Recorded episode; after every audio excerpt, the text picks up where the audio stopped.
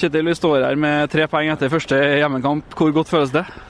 100% Nei, det ble en tøff kamp. Um, vi hadde bra trøkk på Odd i, første omgangen. Uh, uten å skape vanvittig med sjanser, men hadde veldig god kontroll på dem. Og så blir andre omgangen litt annerledes. Det åpnes opp litt, og vi er ikke like kompakte. Uh, vi klarer ikke å ta vare på ballen like mye, så det blir uh, en fighte-omgang. Uh, og vi klarer å dra det i land, da, selvfølgelig. Og det Poenget er ufattelig viktig nå i starten av sesongen. Det er, det er, det er bare sånn det er. Nå har vi fire poeng på to kamper. Det, og vi vet at vi har et stort potensial som må utvikles. Så en god start på sesongen poengmessig. Så uh, får vi uh, sørge for at vi blir litt bedre neste gang. Eh, som du sier, Vi sliter litt i andre omgangen. Kommer ikke til så mange sjanser, blir litt bakpå. Men du ser et lag som eh, stay in the boat der. Hvor, ja. godt er det å se et lag som har hatt motgang i vinter, som eh, graver dypt der? Ja, altså Det er jo en egenskap du, du må tilegne deg. sånt som ungt lag at noen ganger så må du faktisk krige vilt for å, å få et resultat. Det er en ung gruppe som ikke har gjort det så ofte før. Skal stå samla. Eh, vi har jo sprukket opp ganske mange ganger i, i treningskampene. Eh, I dag så gir vi, gir vi vekk veldig lite. De har en dobbeltsjanse. Det var stort sett alt de har i løpet av 90 minutter. Og så har vi vel kanskje fire-fem totalt sett, så eh, Men vi, vi mister ballen for mye. Vi er litt for upresise, og så uh, må vi bruke mye krefter for å rette opp balltapene våre. Det blir tungt i det lange løpet. og det det var en del av guttene i dag som begynte å klage tidlig på at det tung, ble tungt. Krampe og sånn før kampen var slutt. og Litt overraskende, for vi, vi, vi viste frem noe helt annet i Bodø forrige uke, da vi hadde masse kraft og, løp, og løpskapasitet. I dag ble vi slitne. Du har vært trener på Lerkendal, har hatt kjernen eh, imot deg og Lerkendal-publikum imot deg. Nå hadde de med deg. Hva, hva syns du om det som du fikk eh, servert i dag? Det vi opplever i dag er helt fantastisk. Altså, de eh, bærer oss gjennom andreomgangen, egentlig. Og de tar i skikkelig sats når det begynner å tikke opp mot 90. Og de har en stor fortjeneste i at vi klarer å holde dette her på 1-0, og at det ikke blir 1-1 og to tapte poeng. Nå er det en, en hardt tilkjempa 1-0-seier. og Du får noen sånne kamper i løpet av en sesong. I dag kom den, og vi dro i land likevel. Det er vi veldig fornøyd med. Oi, oi, oi, oi, oi! Vegard Heggen skårer! Og Rosenborg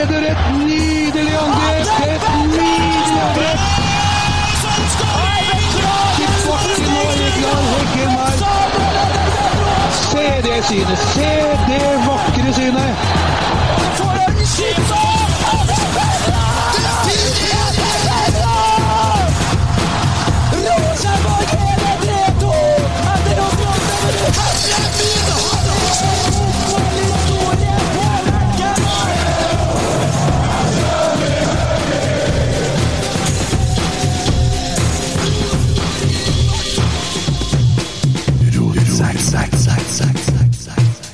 Ja, hei.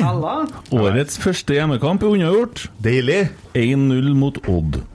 Det er lov å ha flaks.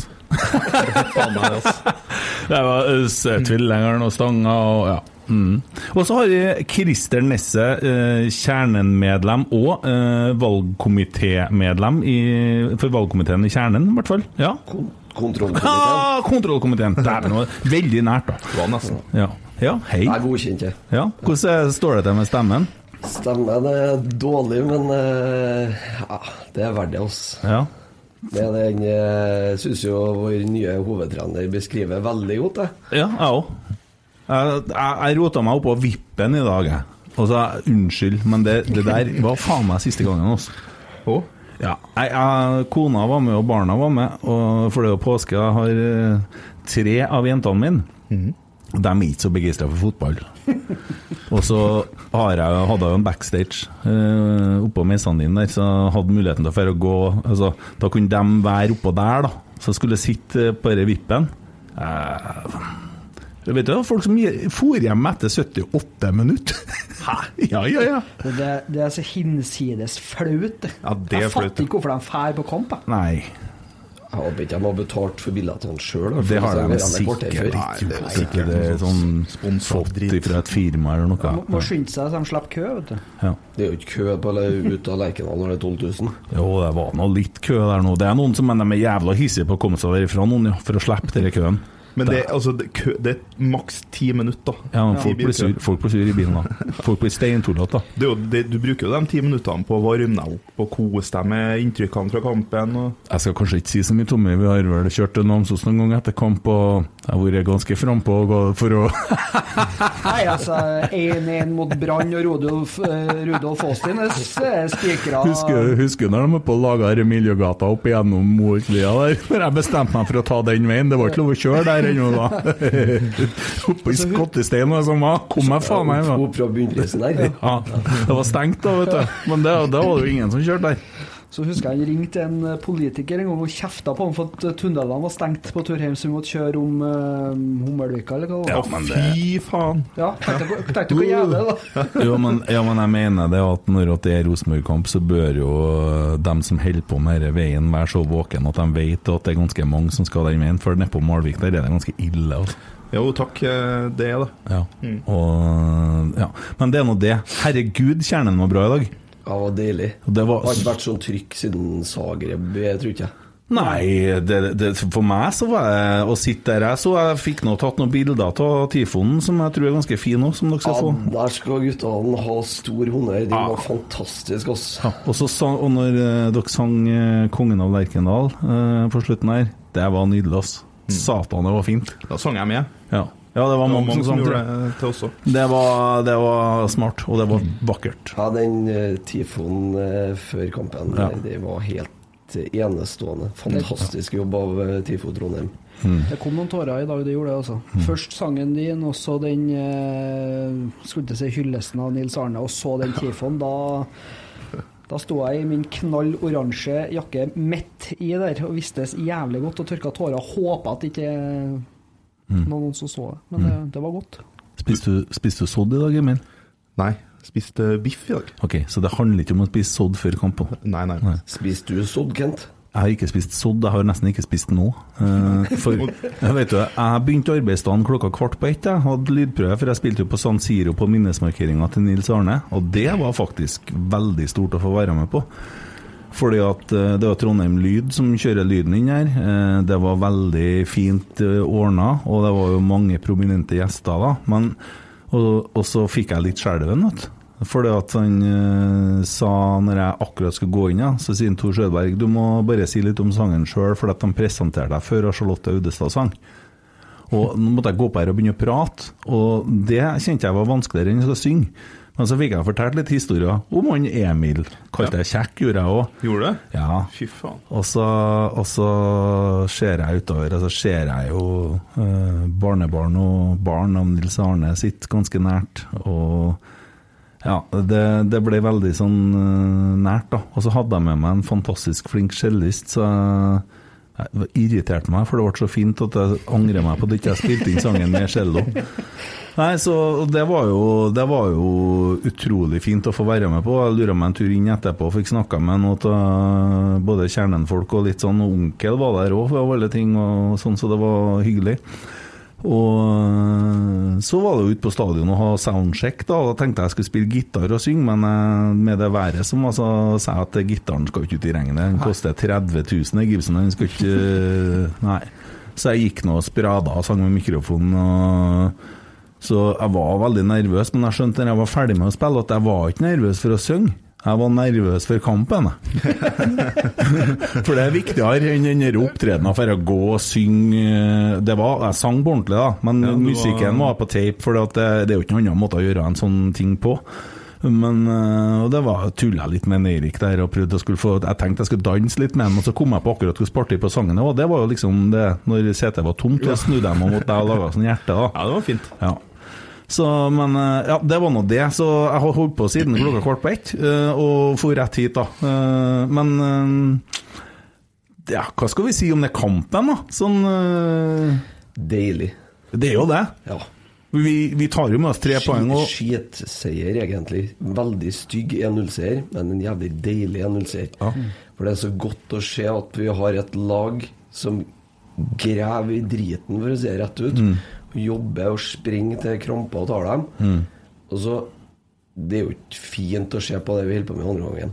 Det er jo ikke det vi ønsker, men eh, veldig fornøyd egentlig med å se den, at den grovinnsatsen i bunn er på plass. Og den du ser dem bare vokse liksom, for hver i gjenvinning. For hver duell de vinner, så er det sånn Kassa litt mer fram, haka litt mer opp. Så uh, kommer da Men du så, så den Siljan først, første gangen så var han jo helt fantastisk, og så etter hvert andre gangen når han går tom, så ser dere hvor viktig han er òg. Og, og det samme rollen som en Skarsheim hadde forrige helga, da. Det, og det Synd at ikke han hadde han på benken, så vi kunne ha han, han, i hvert fall. Ja, men jeg tror jeg skjønner hvorfor. Dere hadde en liten sånn kickoff i kjernen i går. Hadde ikke dere med dere Dahl Reitan og Skarsheim, da? Jo. Og så er en Skarsheim syk i dag? Ja, det var syk, ja. Ja. Nei, de var, de var, ikke, var ikke noe alkohol på dem, da. Men eh, veldig sporty av dem å stille da. på en lørdagskveld. Men eh, jeg håper ikke at det var det som gjorde utslaget. Altså. Nei, men altså det, det som jeg òg syns er jævla deilig med den seieren her, er det at eh, uten at jeg skal snakke så mye om forrige sesong og sesongene før, men hadde det bare vært i fjor, så hadde ikke vi klart å ri inn den seieren der. Vi hadde klappa i hop i den andre gangen. Vi hadde begynt å, å tape eh, enda mer dueller i, mot slutten av kampen. Men det som du sier nå, nå står vi opp som et lag, og guttene får krampe og springer videre. og ja, Det er så deilig å se Reitan holde igjen keeperen litt. Og er Men du, litt sånn- så jeg så en annen ting han gjorde, for det var rett framom der jeg satt sang langt faen i vold på Jeg vil ikke snakke om hvordan ja, Men det der, der er så tørt, altså. Må, må komme og se- er et lag med meg hjem neste gang. Ja, jeg skulle jo det. Jeg sa jo Ja. For at han Tor spurte meg hvor mange billetter skulle jeg ha. Jeg skal ha fire, så jeg så ble jeg sur Stina for at hun mente at jeg skulle sitte sammen med dem. Jeg tenkte å gå og sitte sammen med deg vet og sende dem oppå der alene. Men det var ikke aktuelt, så det var greit, da. Men Bra prioritering når du først får muligheten til å fylle opp vippen med til familien. Jo, det er jo, det er jo sånn de gjør det borti England. Der har de jo wags. Ja. Plasserer dem oppå tribunen, og så Begynner å bli svær nok Kent, når du har wagsen i. Men jeg begynte å tenke på det, for at jeg fikk jo fem billetter på vippen, og så hadde jeg fått egentlig billett til alle sammen nærten Tommy også. Så jeg, det at det ble litt høyt billettsalg i dag, så er ti av de billettene mine. Det er jo fortsatt over 12 000, da. Ja, ja, ja. Ja, slo vi Hva mye hadde de i Bergen? 1166. Ai, ai, ai, ai. Vi slo bergenserne. Ja, det er bra. Men eh, all honnør til Brann, som trekker, trekker så mange på en Men Obos-kamp. eh, ja, og, og Åsane. For det var vel en 2000-3000 Ja, Åsane-spillere, sikkert. det er of course. Men eh, igjen, da, jeg tenkte på det i går. Hva skal vi si hvis det går til helvete i dag? Jo, vi har jo alltids Brann. For Brann de klarte uavgjort i går. Halleluja. Ja, det sjokka han nå, du. Ja. Jeg så en på Twitter som skrev at uh, uh, Brann garantert rykker opp. Og da kommer de jo ikke til å gjøre det, vet du. Nei, jeg, For det er jo samme som de sa i fjor, at vi er for gode til å rykke ned. Men- da rykker de ned. Men jeg vil ha Brann. Jeg vil ha Brann Ja, Eliteserien. Ja, det er jeg helt enig. Vi må få det. opp Brann også. Det er så få byer i Norge egentlig med ordentlig fotballkultur. Ja. Det er her, og det er Bergen og egentlig Lillestrøm. eh, Så har jeg fått Dresden i Stavanger igjen. Ja, det Men det, krever, men det krever, det krever faktisk litt suksess. Ja, det krever litt suksess. Det krever fortsatt en god del eh, hard jobbing på supporterfronten der i en del år, også, før de er på Men nå har de jo fått utvida feltet sitt, ser jeg der òg, så det, de Ja, Men det er bra, det er Ja, viktig det- det er for en stor by. Og det, Ja, jeg syns det virker, som Felt O-gjengen er bra på, da. Og de har jo en par podder. Vi hadde jo med oss eh, Vikingpodden i fjor. Og de har vel en annen podkast som er litt mer, mer sånn som oss, skulle jeg si, som er det Felt O, da. Som er litt mer supporterorientert. For det, Vikingpodden er vel veldig sånn eh, konservativ og ordentlig og sånn. Men eh, det er kult. Eh, ja, Bergen Viking eh, Og så er jo, er jo Vålerenga-gjengen De er jo på gang, dem. De er nå litt å melde, i hvert fall. ja da. Sånn, men det, det virker jo som at klanen blir bare mindre og mindre for hvert år. Jeg skulle til å si det. Jeg husker for 15 år siden, når de fylte hele langsida på Ullevål. Ja, og de fylte jo faen meg hele, nesten hele nedre øst Ja. i den tida vi sto på nedre vest. Ja, husker jeg når at vi møtte Vålerenga eh, 2009, og første kampen var ikke det 15. mars, hvis ikke jeg tar helt feil òg. Det var jævlig kaldt. Trond Olsen-målet. Ja, stemmer. Eh, da var det mange der. Og så husker jeg var på Vålerenga synge en sang og laga sånn eh, ja, det var litt artig. Da måtte jeg og kompisene mine sprenge for livet, for jeg har en eh, som er fra Skjetten. Han er verken glad i Lillestrøm eller Vålerenga. Og så gikk vi forbi det som viste seg å være eh, om det var Isco Boys eller hva det var, Ikaros-bussen. Og så gjorde han jo den runkebevegelsen og rekka finger, da. Da ble det fart. Ja. Ja, ja, ja. Og dem vi ikke har snakka med ennå, de, de har jo terga på seg halve Roma, så det blir artig å følge med i media hvor mange som kommer hjem av dem. Jeg lurer, jeg lurer på om de skjønner alvoret i det der. De gjør ikke det. Det kan, det kan jeg ikke fatte Det er jo stygt å flire òg, for det kan jo gå skikkelig galt. Her. De blir knivstukket i ræva halvparten av det. ja. Jeg Spørs om de i hele tatt gidder å ta dem på alvor, da. Ja, det er jo det som er spørsmålet. Men altså, når det har blitt eh, en eh, sak med advokater og litt eh, slåssing i spillertunnelen med trenere og sånne ting, så er det jo fyra ganske hardt, da. Ja. Og- Jeg gidder ikke å snakke så mye om Bodø-Glimt, men, men, men det som er at der ser du jo Du snakker om supporterkultur. Der har du skrekkeksempler på en klubb Mm. som prøver å drepe alt som er av supporterkultur. Og spesielt hvis det ikke er helt innafor A4-boksen, så skal det kveles. Mm. Jo, jeg, jeg lovte en fyr på tur hit i stad, for det var en som ropte etter meg at du må ikke eh, snakke så mye om dem i dag, og det hadde ikke jeg tenkt å gjøre heller. Men eh, som jeg hadde på Twitter her om dagen, den fyra bra, da. Eh, De Bodø-Glimt er som en uteligger som har vunnet eurojackpot. De vet ikke, skjønner ikke en skit hva Det de skal. jævlig bra beskrevet. Det er sånn her Å, å, vi var med penger! Hva skal vi legge oss ut med alle? Ja, nei, det er jo bra, det. Nei, eh, og en del resultat eh, Alle gikk vel egentlig ikke over vår vei i dag, så vidt jeg har fått med meg. Tommy, har, du sitter jo med telefonen som du pleier. Seier til Bodø, seier til Molde, seier til Ja, men for faen! Har du Ja, ferdig. Takk for i dag! Tommy Togar. alt Ferdig. Molde Ta deg litt 1-0, da. grundig, da. Vet du, en tåkedott. Må vi gjøre det, da? Vi Ja, ville jo ikke snakke om Bodø. Nei, men vi snakker jo om resultatene i de andre kampene. Det vi i hvert fall så kan si, da, at det er den seieren i dag blir enda viktigere når alle de andre som er antatt så Lillestrøm vant i går. Viking har jo en forholdsvis grei hjemmematch akkurat nå. Ja, det har de. 0-0 men og så vinner jo Molde og Glimt og, og Vålerenga, uten at jeg tror at de kommer til å henge med opp, helt oppi her, så vinner jo dem òg. Så det er viktig å være med nå når det er fra start av. Altså. Ja, Det var et lite håp her når Sandefjord gikk opp på 1-0 mot Nei, var det 1-1? Ja. Det var 1-0, ja. Mot- 1-1 Ja. 1-1 utligna han. Utligna 1-1, ja. Eh, synd det, da. Men Ellers så kan jeg gi litt informasjon fra den kampen, og det er jo det at både Pellegrino og Bredemo måtte ut med skade i første omgang. Oh, ja. Så det er jo positivt. ja, det er jo fint, det. Jeg snakka med Sam Rogers i stad, forresten. Ja. Uh, Ja, ja, ja, for du sitter jo da med dem og koser deg. Du blir litt sjalu. ja. Skal vi høre litt hva de to kjerringene bak deg på DB-feltet sa i stad? Vær så god. Mannfolk. Mannfolk, ja, skal vi høre. Nei, de snakka om Blir- Formel 1 og Ja, blir veldig god pod, det her. Ja. Hva sa han Sam Rogers da? Han sa Couple of weeks. Å ja, sa han det? Ja. Jeg sa, spurte han når han var tilbake. Couple of weeks. Couple of weeks. Så sa jeg, forklarte jeg at I, I am rootsack-sack-sack. Ah. For at han sendte jo hilsen til oss en gang, vet du. Ja. På snappen. Det er ikke sikkert han husker det, tror jeg. Ja, altså, det, alle husker rotsekk. Jo, for de blir så irritert på oss.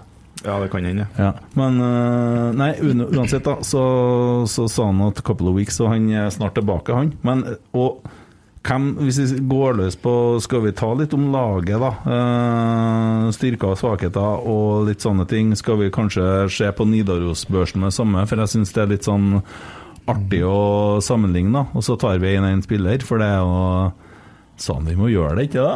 Jo. Ja. Hansen var nå i hvert fall eh, Hvis vi kan, vi kan starte bakerst. Han, eh, det er jo en, jeg ser hvorfor han er valgt som førstekeeper. Den uh, redninga når Lauritzen er alene gjennom der, den, eh, var- den er svær. Det var sånn Hontelar i reprise det, fra Ajax-kampen. da Han var gjennom der. Da, sa da ga jeg opp, faktisk. For da når jeg så han var gjennom, så sier jeg bare nei, nei, nei. Der, nå der, Det er jo Norges beste keeper, da. ja. Ja, Det er jo ikke noe tvil om det. Nei, ja, det, Jeg ble helt Åge Hareide på benken. I- Sånn som du gjorde. For dem som lurer på hvem en Christer er, så er det han som lå på benken i går og leka Åge Hareide på rotsekksneppen. Men eh, ja, da, da bare slapp jeg, og da la jeg meg bare bakover. Der. Nå blir det Nei! Det ble ikke nei! Nei, det var fint. Ja, men Deilig å se at man har eh, Altså, man skal jo spille seg ut bakfra og bygge opp angrepene og sånn, og dere, eh, mye av de klisjeene der. Men Jeg må si sånn helt personlig syns det er jævlig befriende at en keeper bare kan sparke ut ballen, sånn som vi gjorde før i tida. Mm. De må stå til ball inni femmeteren der. Ja, men det funker jo til dels. Jeg vet ikke hvor mange prosent vi får flikka ballen videre, og at han header den videre nå, men det er ganske ofte at det går bra. Nå har jo vunnet Har vel tatt én hodeduell på to kamper nå, vel? Ja. Med lange utspillene der. Og det så jeg Geir og eh, Kjetil var veldig eh, De prata mye med Jensen og Tagseth på den sida i første omgang i hvert fall, om at de måtte begynne å komme i bakrommet. Fordi at uh, de slet virkelig med å finne ut av det med Noah. Han er faen meg sterk, altså. Fy faen, for fysikk. Han Ja, er, Men han har jo han, de, Det har jo vært snakka om i media, og vi snakka med trenerne om det. Jeg sto og snakka med Kjetil om det for en stund tilbake. Han hadde jo litt mye kroppsfett, og de har jo forvandla det til muskler. Ja, Så har han gått ned fire kilo i tillegg. Ja. Så det er ganske mange mm, kilo muskler opp. Ja. han, har jo, han, han har jo ikke akkurat spilt veldig mye fotball da, før han kom til Rosenborg. Og i fjor så var det Han, ble ut, han fikk jo ikke trent seg i form, han måtte spille seg i form, og det er klart at det Han har hatt godt av oppkjøring. Det er veldig tydelig. Han fikk seg et mål i dag. Ja, viktig å få i gang spissen, altså. Ja, jeg var glad for at han skåra. Han skåra mot Odd i fjor òg, så jeg håper at det ikke bare er Odd han skårer mot, da. Men eh, Dæven, den i andre omgangen der. Det oppspillet han får fra Jeg husker ikke hvem som spilte opp, men han går opp og tar ned på kassa her og klinker til. ja. Helt sinnssykt. Men altså, herre her er så tidlig ennå i utviklinga av laget at herre kommer til å bli jævlig bra, tror jeg. Og så er jeg så spent Vi skal ta det nest, etterpå, men det, for det blir jo neste kamp. Men altså Molde-kampen som er neste hjemmekamp, fy faen hva jeg gleder meg.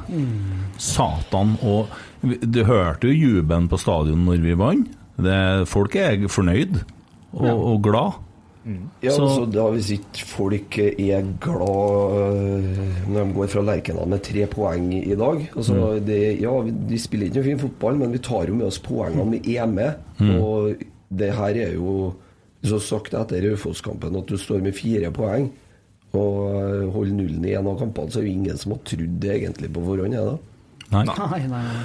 Uh, ja, uh, og Nidaros har faktisk gitt André Hansen en åtter, altså. Ja, men det, det syns jeg faktisk han nesten Ja, fortjener. er fortjent. Det er sjeldent at de får lavere på lesernes vurdering enn eh, hva han eh, som setter børsen gjør, men her har altså leserne skrevet grevet 7,5. Men sist så var det jo bare firere og Ja, ja, men, Hva er eh, det som har skjedd nå? Jeg var jo kjefta på dem, da.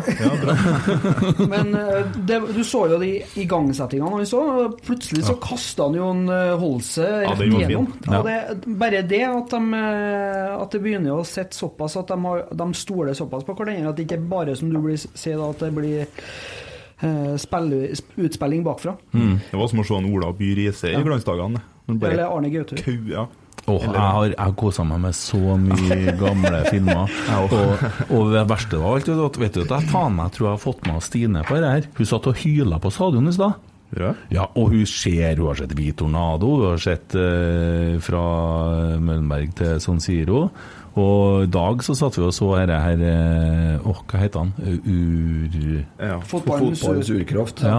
Og hun er helt med, hun. Og sier til meg i stad Ja, nå ble det tre poeng i dag. Sist ble det jo ett. Ja, fantastisk. og fått med det òg, ja. Nei, og sånn har jeg begynt å få med seg litt hvem spillerne er, sånn, så jeg tror hun syns det er jævla spennende. Så skal ikke se bort ifra at hun begynner å engasjere seg litt. Eh, Renzo Giampoli. Solid. Ja. Nei, han har overraska, altså. ja. Han har jo igjen blitt slakta og slakta og slakta. Ikke av oss, men av mange andre. Og Adressa var ute og meldte ganske hardt på han eh, Var det Nidaros eller Adressa? Når han kom første, første kampen. Når han nettopp landa. Ja.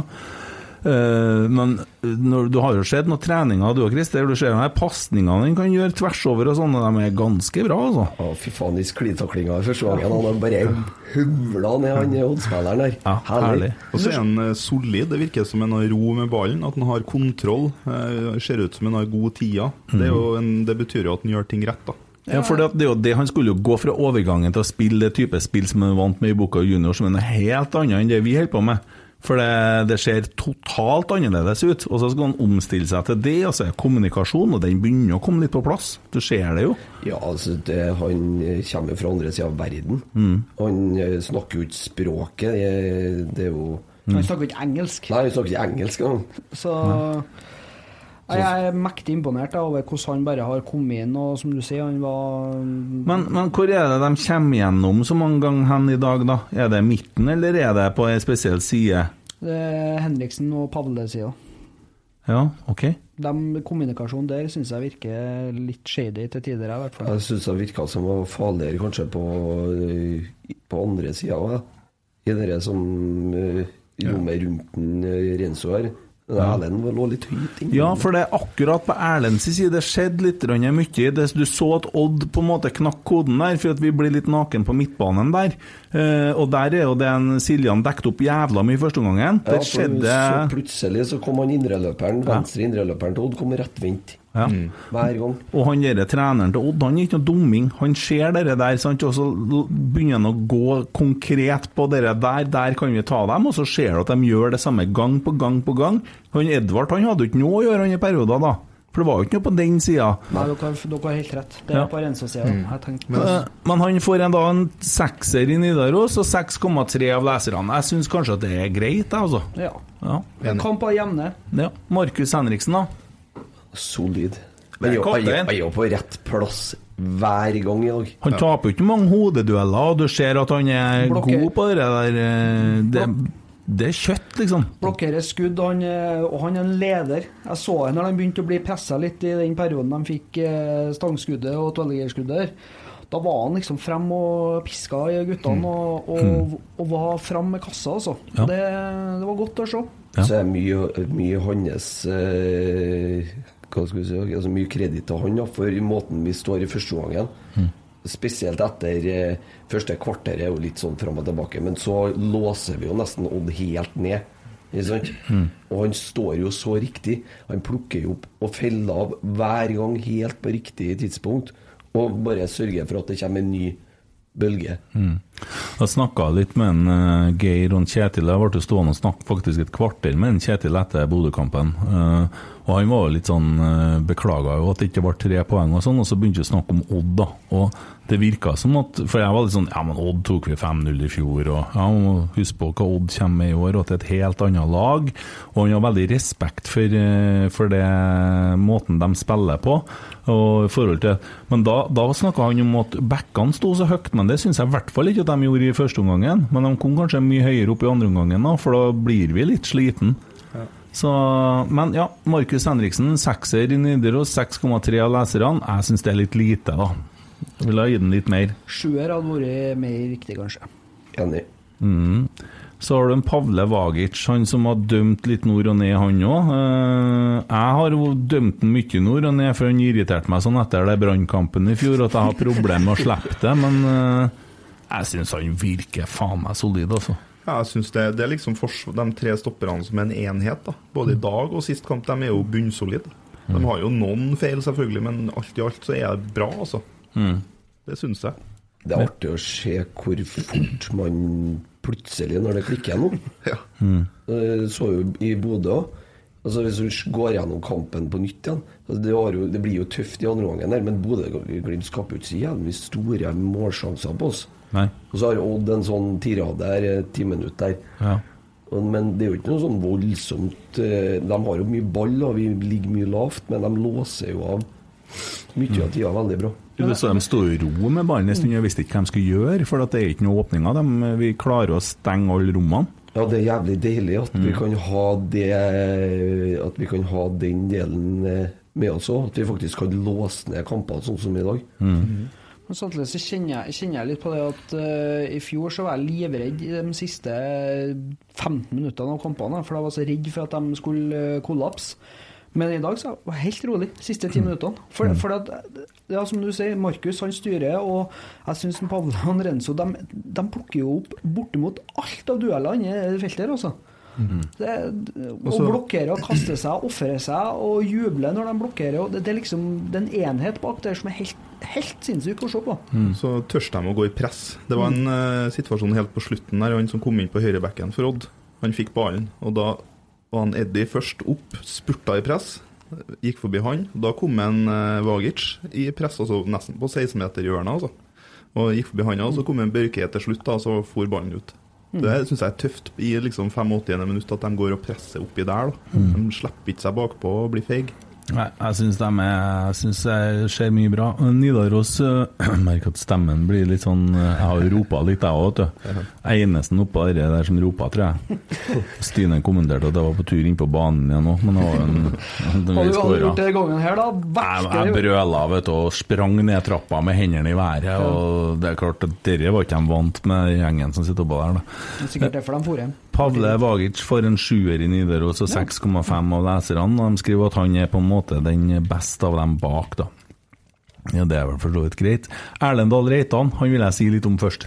For Jeg la merke til noe som jeg syntes var dritkult. Det lå en Odd-spiller, eller var en Rosenborg, som lå med, med, med krampe. Og så skulle, skulle Odd ta innkast, og så gikk han bort til ballgutten Erlend Dahl Reitan. forbannen sin. Da hadde jo han eh, Odd-fyren ball og skulle stå og vente på kast. Så fikk han ballen til ballgutten, og så trilla han den nedover innpå mot egen 16-meter. Ja, det er sånn herlig kynisme. Og så ble han så forbanna, han Odd-fyren, treneren. Han sprang inn på banen og henta ballen. Det? Det har han ikke lov til. Han var inn på banen, langt inn på banen og henta ballen. Trener. Treneren, ja. Eller en av hjelpeapparatet. En av Odd-fyrene. Det var en av ene assistenten, for Ja. han var gal. Ja, men han sprang. Men altså det, Og ja, jeg vet ikke, jeg. Ja, men altså, den kynismen der Ja. sånn, Det er rævølfakten, da, for å si det sånn. Ja. Bare ha, Dere må vi dyrke. Så og så når at keeperen eh, tok ballen på ene løpet hans, kan puffa i keeperen med samme springfobien. Ja, han er så jævlig kløsete. han prøvde også, for vi står jo rett bak der. Ikke sant?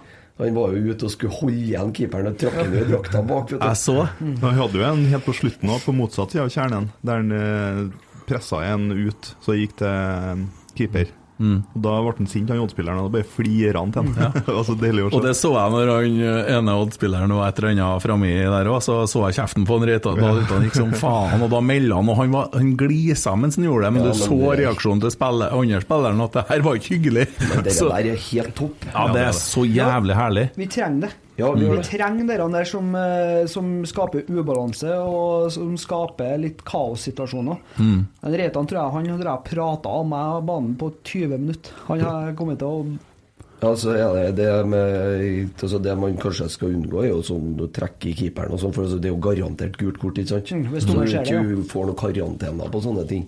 Jo, men- men litt sånn enkel kynisme som å Sikker på at både Adrian Pereira og Adam Andersson er helt med på at det blir noe karantene etter hvert. Men, men tenk dere den dekninga vi har, da. Mm.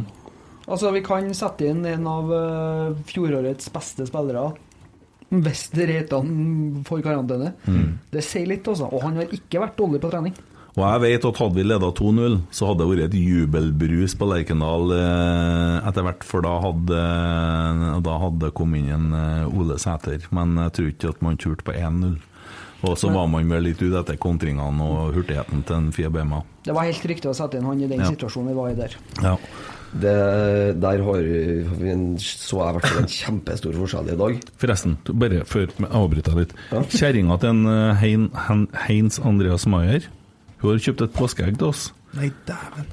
Fikk i gave på treninga her om dagen. Så, og vi får jo aldri noe kjeft for at vi smatter og slafser i mikrofonen. Nå er det påske, og forsyn dere med smågodt, gutta. Bare mens jeg kom på det. Ja, hva sa du? takk til Kristina. Ja, du kjenner henne, du? Nei, jeg kjenner ikke han, men jeg kjenner en Hans godt. ja. ja. Kjernekar. Ja, Kjernenkar, ja.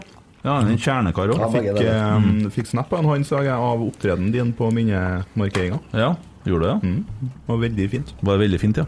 ja. Bra. Hva var det vi var på å snakke om? Erlendal Reitan, klissete Ja, og det, det, ja, det er klysete, ja. Men det er jo, spiller jo ikke noen rolle når det er vår eh, Vår kliss. Ja. Ja, vi liker det. Ja, deilig. Ja. Men eh, det snakker jeg litt om det med kynisme og kampledelse og sånn. Du ser det med en gang etter uh, starta andre omgangen, så får vi jo ikke den andre omgangen til å sitte ikke sant, i det hele tatt. Men da, 57 minutter eller hva det var, da gjør han grep med en gang. Ja. Der har du eh, kamplederen som prøver, i hvert fall. Altså, det, det blir jo ikke noe sånn Du får jo ikke snudd kampbildet, men det gjøres i hvert fall noe. Han tok tre tidlige bytter, egentlig. Ja, Eller Noah var vel ganske det er ikke sånn som i fjor, da vi rulla ut soveposen på trenerbenken og seg til for å Hentet Jeg blir så forbanna på det der i fjor. Og denne brannkampen. Satan hakke i helvete, altså. Og denne posituren på sida der. Det er, sånn, ja. det, er så, sånn. det er så krise, det. Ja, Og så så- ble- jo, jo mer han skulle ha vært aktiv, da, jo slappere ble han. Ja, så helt paralysert ut. Å, faen, altså. Faen, jeg er glad at han der er ferdig i Rosenborg. Altså. Ja, Kjenner jeg på nå. Jeg var så glad når han kom, men jeg var bedre mer glad når han for. Ja, jeg begynte med det i juni, at han kunne ha seg hjem. Jeg så eh, kommenterte til han ene sidemannen ute i andre gangen der. Jeg tror han linjedommeren som var på eh, rett foran Rosenborg sin benk, da. Mm. Han tror jeg var ganske svett i øregangene utover andre gangen, for han hadde en Geir Frigård sittende omtrent oppå skuldrene her, Ja, for hørt- å sprang etter. Det har vi hørt dem, ja. Men eh, det, er- det, er jo- det er jo sånn vi ville ha Jo, men det. Sånn, det må være tenning. Ja, og det, det der, vi, vi, vi satt jo og skreik etter det i fjor, for det var jo helt flatt. Det var jo på den situasjonen når Fia Bema hoppa over ballen og Jeg vet ikke om jeg var borti den, at det var derfor de måtte ta den, ja. Men Nei, eh, han var ikke borti den, men han eh, Jeg tror at spillet ble påvirka av at de trodde at han skulle ta den, på en måte. Ja.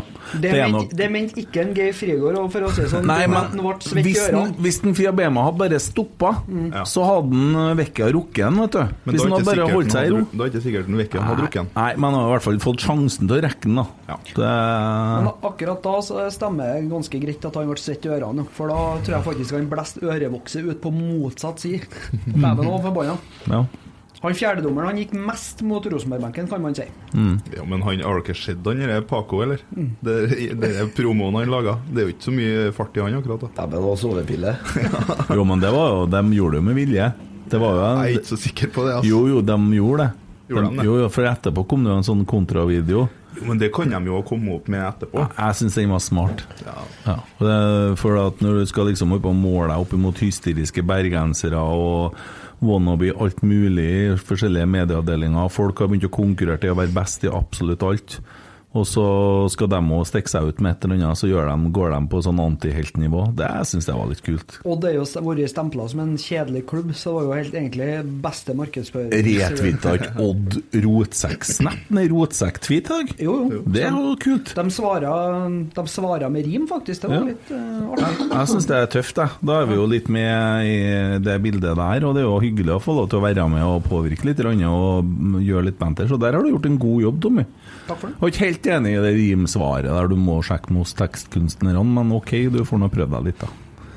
Jeg sitter i hvert fall ikke på vippen da. Nei, det gjør du ikke. Skriver ikke så mye sanger. så det, det er nå greit, det, da. Ja. Eh, det var Erlendal Reitan. Hva sier vi om han, da? Skål, da. Eh, ja. Jeg syns ikke han eh, Altså, han var jo helt OK, vet du. Ja, men altså, Han serverer øh, assist på målet, Ja. men det kommer gjennom mye på sida hans. Men Det er jo for at han ikke får hjelp fra, fra midtbane eller indreløper eller noe. Han blir, det blir nakent på sida der. Ja, det blir jo det.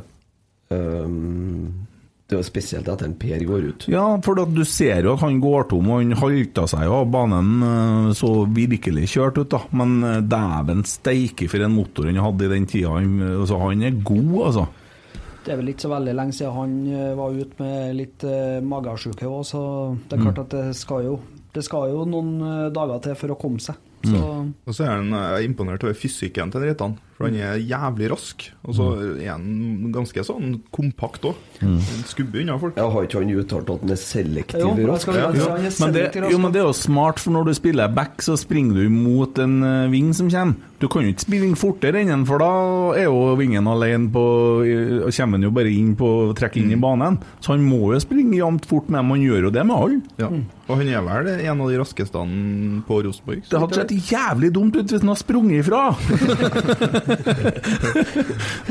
Nei, altså, jeg syns han i hvert fall fortjener en sjuer, og det er litt òg fordi at, eh, som Christer sier, at han er vår drittsekk. Han, han går eh, foran i krigen og Ja, for at han gjør så mye helvetesmakt for dem at han, eh, han, han Jeg liker det han serverer med det klysefakten, så jeg er enig i sjuer. Nidaros de gir den en sekser, og leserne gir den 5,4. Det er mye åndssvake lesere her, det må vi rette opp. Så har vi Tobias Børkeøye. Han eh, Ja, hva skal vi si om han? Jeg syns jo at han eh, leverer bedre enn på, på tre, treningskampene. Men ikke bedre enn i Bodø. Men det er jo fordi at da ble det så farga av at han skårer to mål. Ja. Og du så at han fikk litt sånn eh, hva skal si, Det går noe sånn, det gnistrer litt i hodet på han idet han skal skyte, og prøve den avslutninga når han roper 'skyt'. Og så skjer, ja. litt stressa, da. Men jeg syns jo at han virker solid som midtbaneanker, og at det har virkelig fremtid. At han har tatt steg, og at det virkelig kan bli bra. Jeg tror han gjør en mye mer usynlig, viktig jobb enn man kanskje ser, og han gjør en grovjobb. Mm. En mye mer grovjobb enn man kanskje hadde sett for seg at han skulle gjøre. Ja. Fikk han et ufortjent gult kort? Ja. Det var billig, var ikke det? Det var det. Det var liksom Jeg syns uh, Altså, det er gult kort, og så dere mordforsøket på en togsettende på på dørlinja her, det er òg gult kort. Altså, Mm. hvor Den altså, var oransje. eh, den var, den var rødskjærig, ja. Ja, det var Ja. Det er det der som er så vanskelig, da, for at eh, det er så vanskelig å vite hvor linja ligger hen til Altså, gule kortlinja blir jo jævlig lang, selvfølgelig. Det er jo alt ifra drøying av tid til Holse sin var ganske fortjent, da, for de fikk, Ja, eh, fikk beskjed om å la den ballen ligge, og så bare tuppa den ja. ekstra tur. det er sånn irriterende teit av en å gjøre, for at vi har allerede tuppa den litt, og så trenger vi ikke å tuppe den en gang til, for det er sånn der Ja, vi har gult kort. Det er sånn der Nei, uff. Men nok om det. Tobias Børke, hva sier vi om han, da? Nei, han får sikkert uh, Tipper han får seks. jeg. ja. Ja, Han får en femmer i Nidaros, 4,6 av leserne. Nei, jeg syns han fortjener en sekser. For det er som han gjør, en helt grei grovjobb. Men eh, du ser, jeg synes du ser i andre omgangen at han har eh, Han får mer, mye mer trøbbel med å dekke rom etter at han mister en Per rundt seg. Ja. Både Jeg- Per og Jansen, faktisk. Jeg trodde at det var han som ble tatt av jeg, når de satte inn på en Holm. Jeg trodde Nei, Hoff. Hoff ja. Ja. Eh, Valdemar Hoff. Men eh, det var jo fordi at da funka jeg dårlig med, med Jensen og Børke på midtbanen. Det har jeg sagt siden dag én. Jensen skal ikke spille midtbane sånn som der. Han skal være framme, for han er mye mer kreativ. Eventuelt tier eller eh, fram på venstresida der. Ja, mulig. Jeg har ikke Ja, jeg syns ikke har jeg litt for lite egentlig på en Viktor Jensen ennå til å kunne bedømme om eh, Men du ser det er spiller der, da. Ja. Det er kvalitet der. Ja. Er sånn glimt. Vi kommer til å få noen kamper der vi ser Jensen og Holse virkelig kose seg som sånn Ørjan Berg minigreier i 88. Altså. Det, vi har to sånn artigkarer der som kommer til å gjøre litt fiksfakseri. Det er garantert å ha sett noe sånn klikk-klakk-greier med dem på treninga og sånn. òg. det gleder meg til at vi får ut det potensialet etter hvert. Men spilte vi egentlig 3-4-3 offensivt i dag? Jeg tror det, ja. For da syns jeg jo Jensen var veldig langt ned i banen, i så fall. Det var en 3-5-2, ikke sant? Jo, og- 3-5-2 ja, men- Men Carlo og Noah Jo, på topp. men også nå har Carlo fått fri rolle i dag, i angrep. Ja. Og det tror jeg nesten Jensen hadde litt fri òg. For at det, det er i hvert fall sånn som jeg tolka det praten med Kjetil, at han eh, Nei, det var med en Geir, det, faktisk. At han får, eh, får fri rolle. Og at de gjorde litt endringer i forhold til Bodø. Så det er litt mer sånn uh, tilpassa angrepene, da. Men uh, defensivt så lå vi jo klin i femmer og Ja. firer foran, nesten. Egentlig. Syns jeg. Du tør ikke prate nå, for dere er smågodt. Det er rett, det, gutta. Bare Nei, må, der får vi klagen. Seigmann, vet du. Det er fint å høre. Folk syns det er fint å ha noe å klage på. Hvis det er det de har å klage på, så er det veldig bra. Eh, hva gir vi Tobias Børke, da? Har vi sagt det? Sekser. Sekser? Positiv, vet du. Positiv. Altfor positiv! Noie, vet du. Ja, ja. Hurra, gutt. Han får en femmer i Nidaros, 4,6 av leserne. Ja, men ikke greit, ja. Da, har da har leserne for høye forventninger etter Bodø-kampen, tenker jeg. Ja, de har det. Og som Otto Ulseth sier, så kan jo ikke leserne lese Nei, det var supporterne. Det var supporterne. jeg traff en Otto Ulseth i stad òg. Gikk jeg tok inn, så sa jeg nå holder du deg faen meg unna tastaturet når du kommer hjem, gutt. Ta fra han PC-en. Den var egentlig litt fin, den sangen din. Egentlig litt fin. Nei, den var veldig fin. Sånn. Sånn, ja. Ja. Da blir jeg skeptisk. Uh, ta med det, avisa Otto. Nei, men Man får da så mye klikk på det han sier, vet du. De eh, fisker jo klikk. Det er jo polarisert og galskap å finne seg en overskrift, og vi blir forbanna. Vi klikker innpå, vi leser og vi deler det og kjefter og styrer Og oss. Og, snakke om det her. Det har vært snakk om sertifikat for folk i sosiale medier.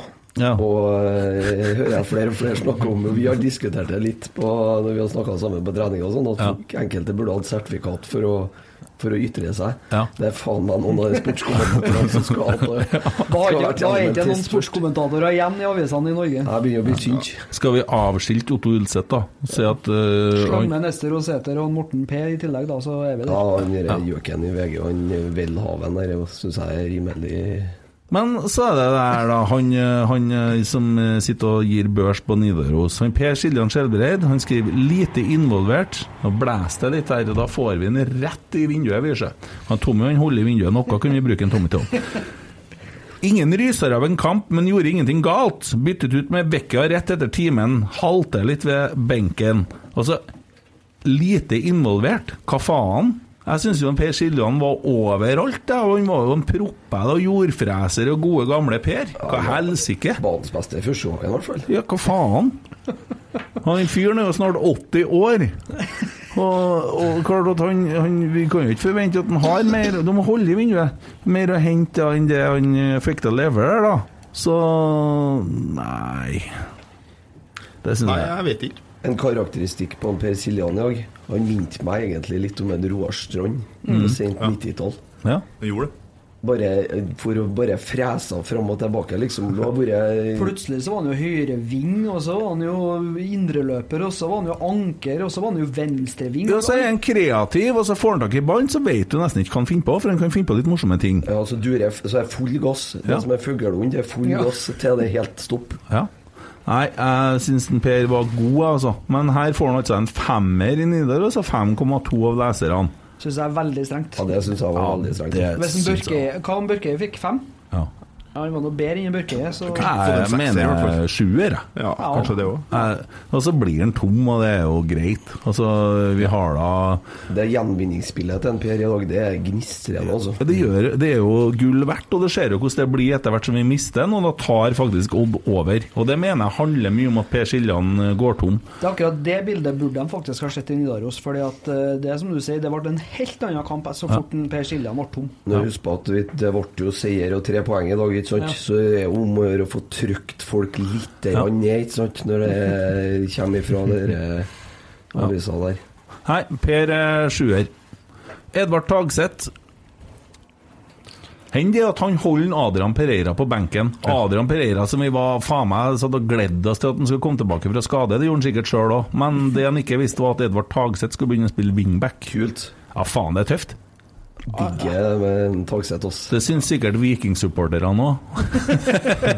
Og så er han jo, Du kan jo skrive wingback, da. Skrive wing med store bokstaver. For han er jo oppi her hele tida. Han kommer rundt oss hele tida. Og i dag varierte han innleggene en del òg. Ja, gjorde det. Det var ikke bare det samme. Det var litt forskjellige ting som skjer, og Han slo jo til og med inn med høyre i første gangen. Dro, av, eh, dro av innover og så slår inn med høyre. Det var jo ikke all verden i innlegget, men eh, Men det, det skjer da noe hver gang han kommer i posisjon. Altså det, han har en motor som er Og han jo tror jeg er en liten skittsekk.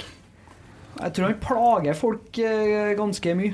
Jeg vet ikke, jeg ser ikke for meg det. Han er så snill. Ja, jeg tror ikke han er det så fort han får på seg Jo, men han kan være snill utenfor banen. Jeg tror ikke han er spesielt eh, hyggelig utpå denne banen. sånn ulv i fåreklær. Han er en ulv i fåreklær. Ja, Fårehår. Fårehår, ja. Bokstavelig. Ulv i fårehår. Ulv i forår. Ja.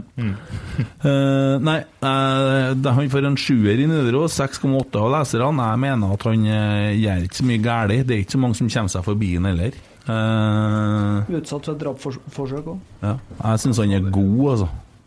Ja, han. har overraska veldig, syns jeg, i, i vinter. Mm. Kult at han tar opp hansken og bare klemmer til når han får den muligheten på bekken der. Men så har du jo satt en Pereira altså, Det er jo ikke noe galt med han, han er jo en knallgod ving.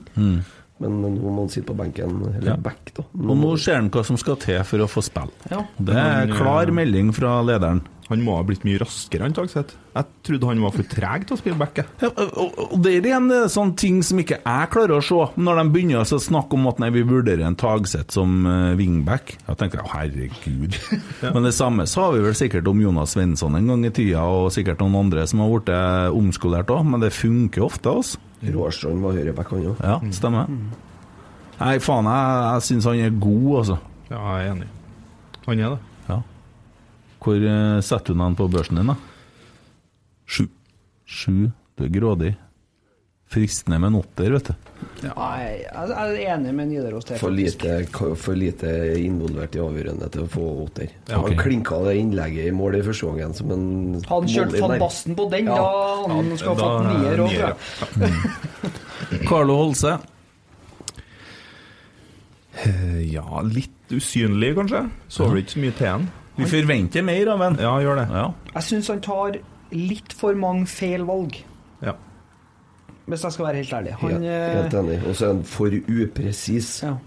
Første gangen, dæven, det er mange muligheter han har til å så spille riktig, og egentlig og så er det en halvmeter bak, eller ja, men er dette fordi at man spiller med litt uh, frykt? At man ikke tør å gå på noe risiko? At man skal spille med så lav risiko at man velger hele tida safe ting? Det kan godt være det henger igjen noe, for det skjer i andre omgangen. Så blir han jo spilt to, i hvert fall to ganger innenfor en tre-fire minutter. Mm. Da man fører opp mot en ryggende back, ikke sant? Mm. Og så det som skjer, er jo at han plutselig begynner å så, skjærer han utover i banen, og så vender han hjem.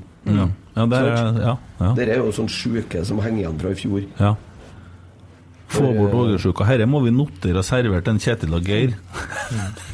Ja, Jeg tror de ser det, Jeg gitt. tror jo en del som har kanskje har blitt litt overraska over hvor mye kjeft de får for at det ikke går framover. Ja. ja, for det er, det er det. Og det er det på treninga nå.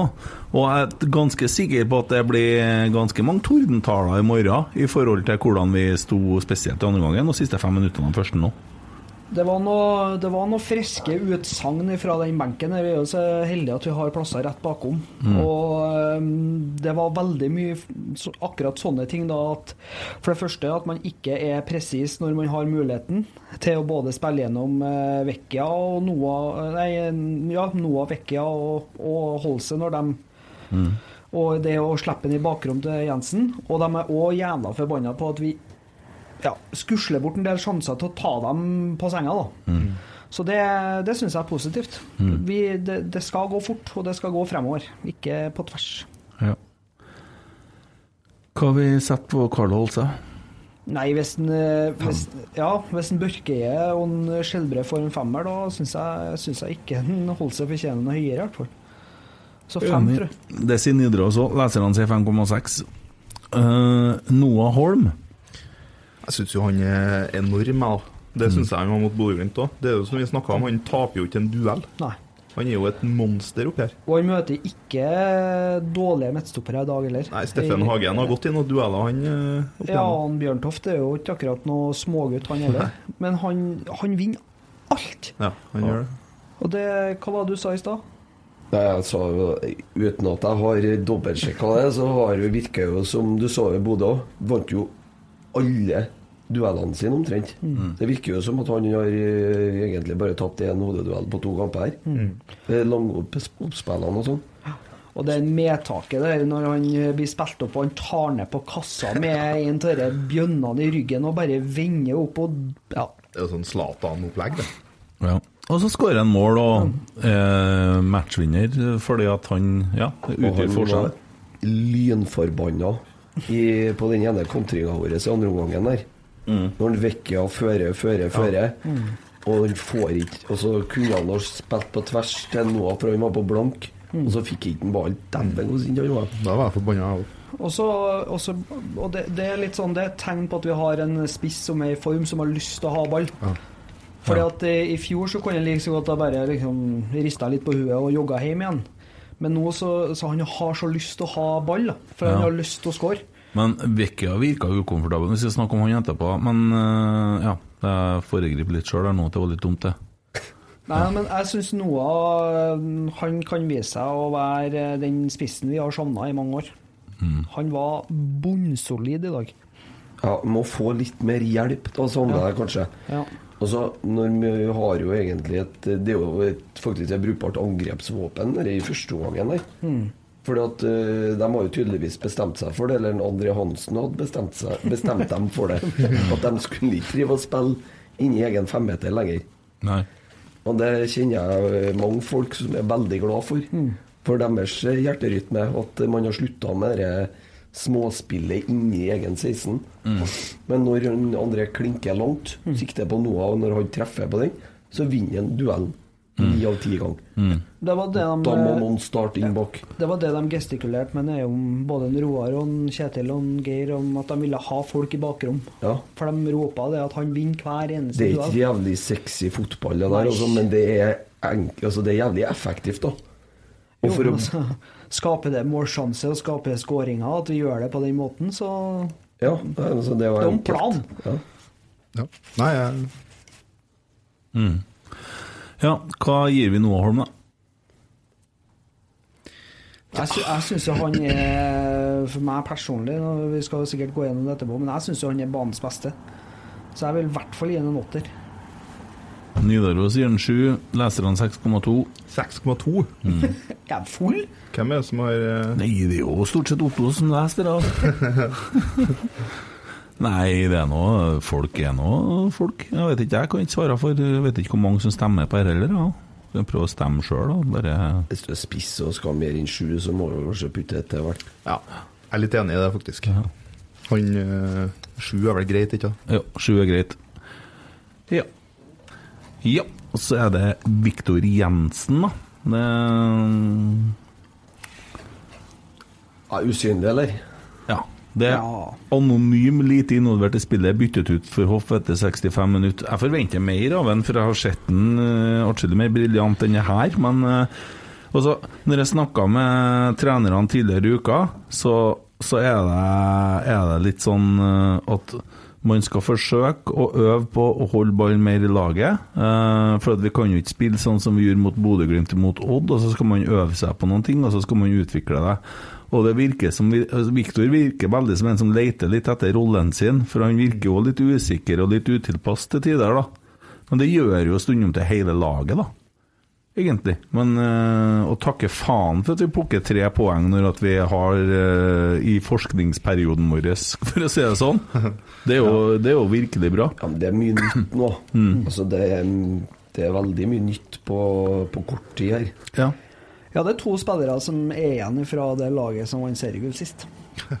Og det var i 2018. Det André er Hansen og Erlend Reitan. Det er to spillere som var her i 2019, og det er Edvard Tagseth og Andre Hansen. Men jeg er litt enig med angående Viktor Jensen. At han, jeg forventer mer av ham. Ja. Og det handler òg litt om at han er sånn som en Fiabema og guttene. De er jo på lån med opsjon. Men han Viktor Jensen er jo ren lånespiller. Ok, Men da kaster jeg inn en liten sånn fakkel her. For at hvis at Viktor Jensen fortsetter sånn lenger, da skal det gå lang tid da før vi prøver noe annet spiller? da? For han er jo en lånespiller. Jeg skjønner at det er rav tullete å leie en spiller fra Ajax og sette den på benken, men samtidig det ligger ikke så veldig mye fremtid i å drive og utvikle den heller. Nei, men altså, han må jo få Du så nå i Bodø, da. Altså, det Eller så og så. Du prøvde å se kampen på TV, men Ja. eh, Nei, det var ikke så lett å se. FaceTime til Eurosport der, det var jo at han brente jo én kjempesjanse før 1-0. Og da hadde jo en stor en på Ja, han har et volds, ja, voldsomt potensial, så det er klart jeg skjønner det. Jeg bare tenker hvis at, hvis at det, altså, vi, vi har jo så jævlig mye bra spillere på, på benken, da. Ja, Skarsheim kasta vel inn eh, var, Meldte vel forfall rett før kampen, ja, guttene? Jo, det vet jo dere som satt og drakk la med dem i går.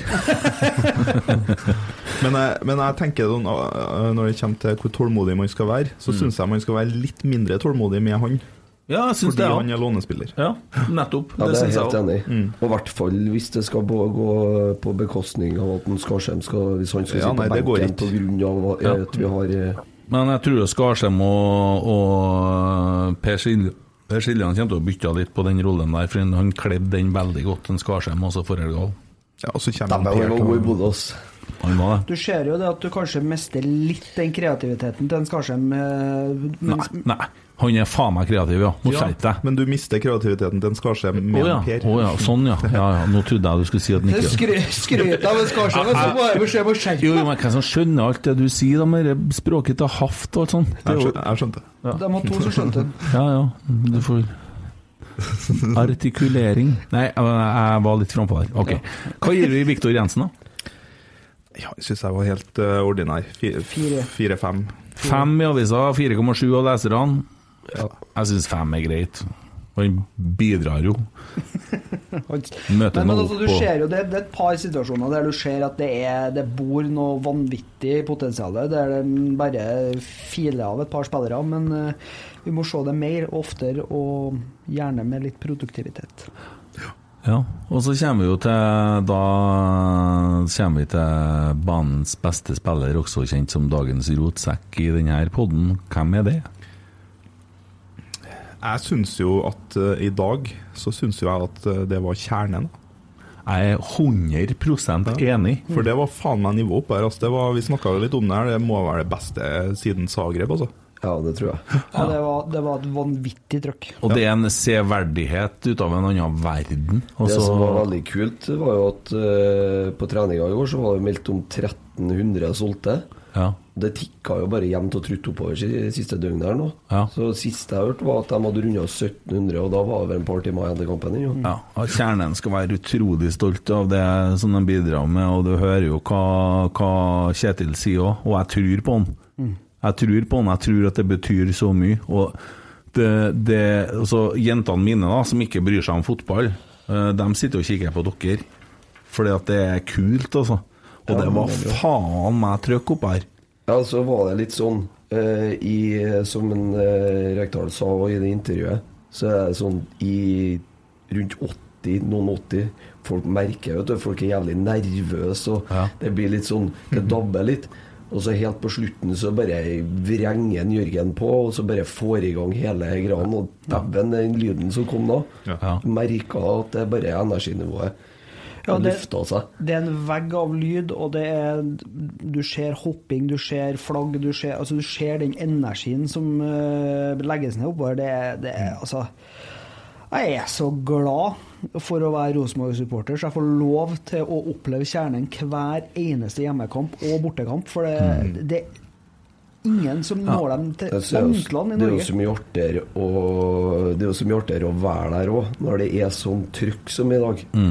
Jeg kom eh, til Lerkendal klokka fem i dag, og da sto jeg i kø.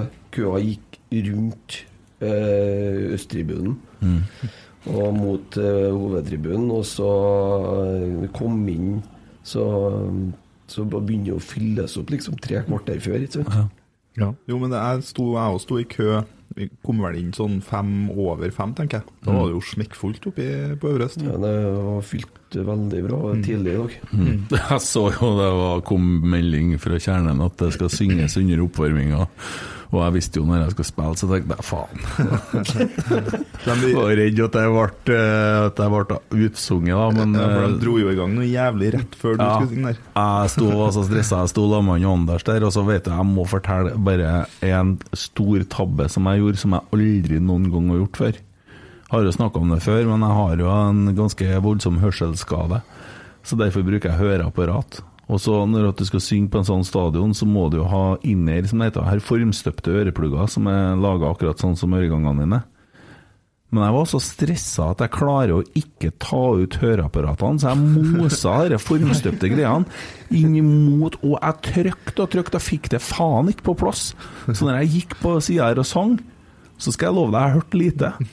For der har jeg det, Jeg har fylt ørene med feil ting. Og så det, var, det, er så, det er så talentløst. Men finner du igjen høreapparatene, da? Eller er Nei, de er bort, nei, men det er jo bare noen ledninger med noen durter. Men jeg har jo trykt det der, da. Det, nei, at det går an, altså. Og jeg ble så lei meg når jeg kom fra stadion, for da jeg var jo litt irritert vet du, når jeg gikk der og sang, for at jeg sleit litt med å høre, og lyden kløpte litt og sånn. Ja. Så hvis du hører nøye etter, så er jeg litt ute av time noen plasser. Det er Det er ikke så rart det når du har double penetration Fuck i det er skitt, altså. Det er så jævla talentløst å klare å få til det her. Men du vet at det, det er så mye som ligger i det å skal gjøre den først den prestasjonen eh, som jeg gjør innpå den minnesmarkeringa, så skal jeg gjøre det der. Og jeg er livredd for at jeg tror bestandig at folk ikke liker meg. altså. så øh, Ja, nei uh, Men det var jævlig bra, Ken.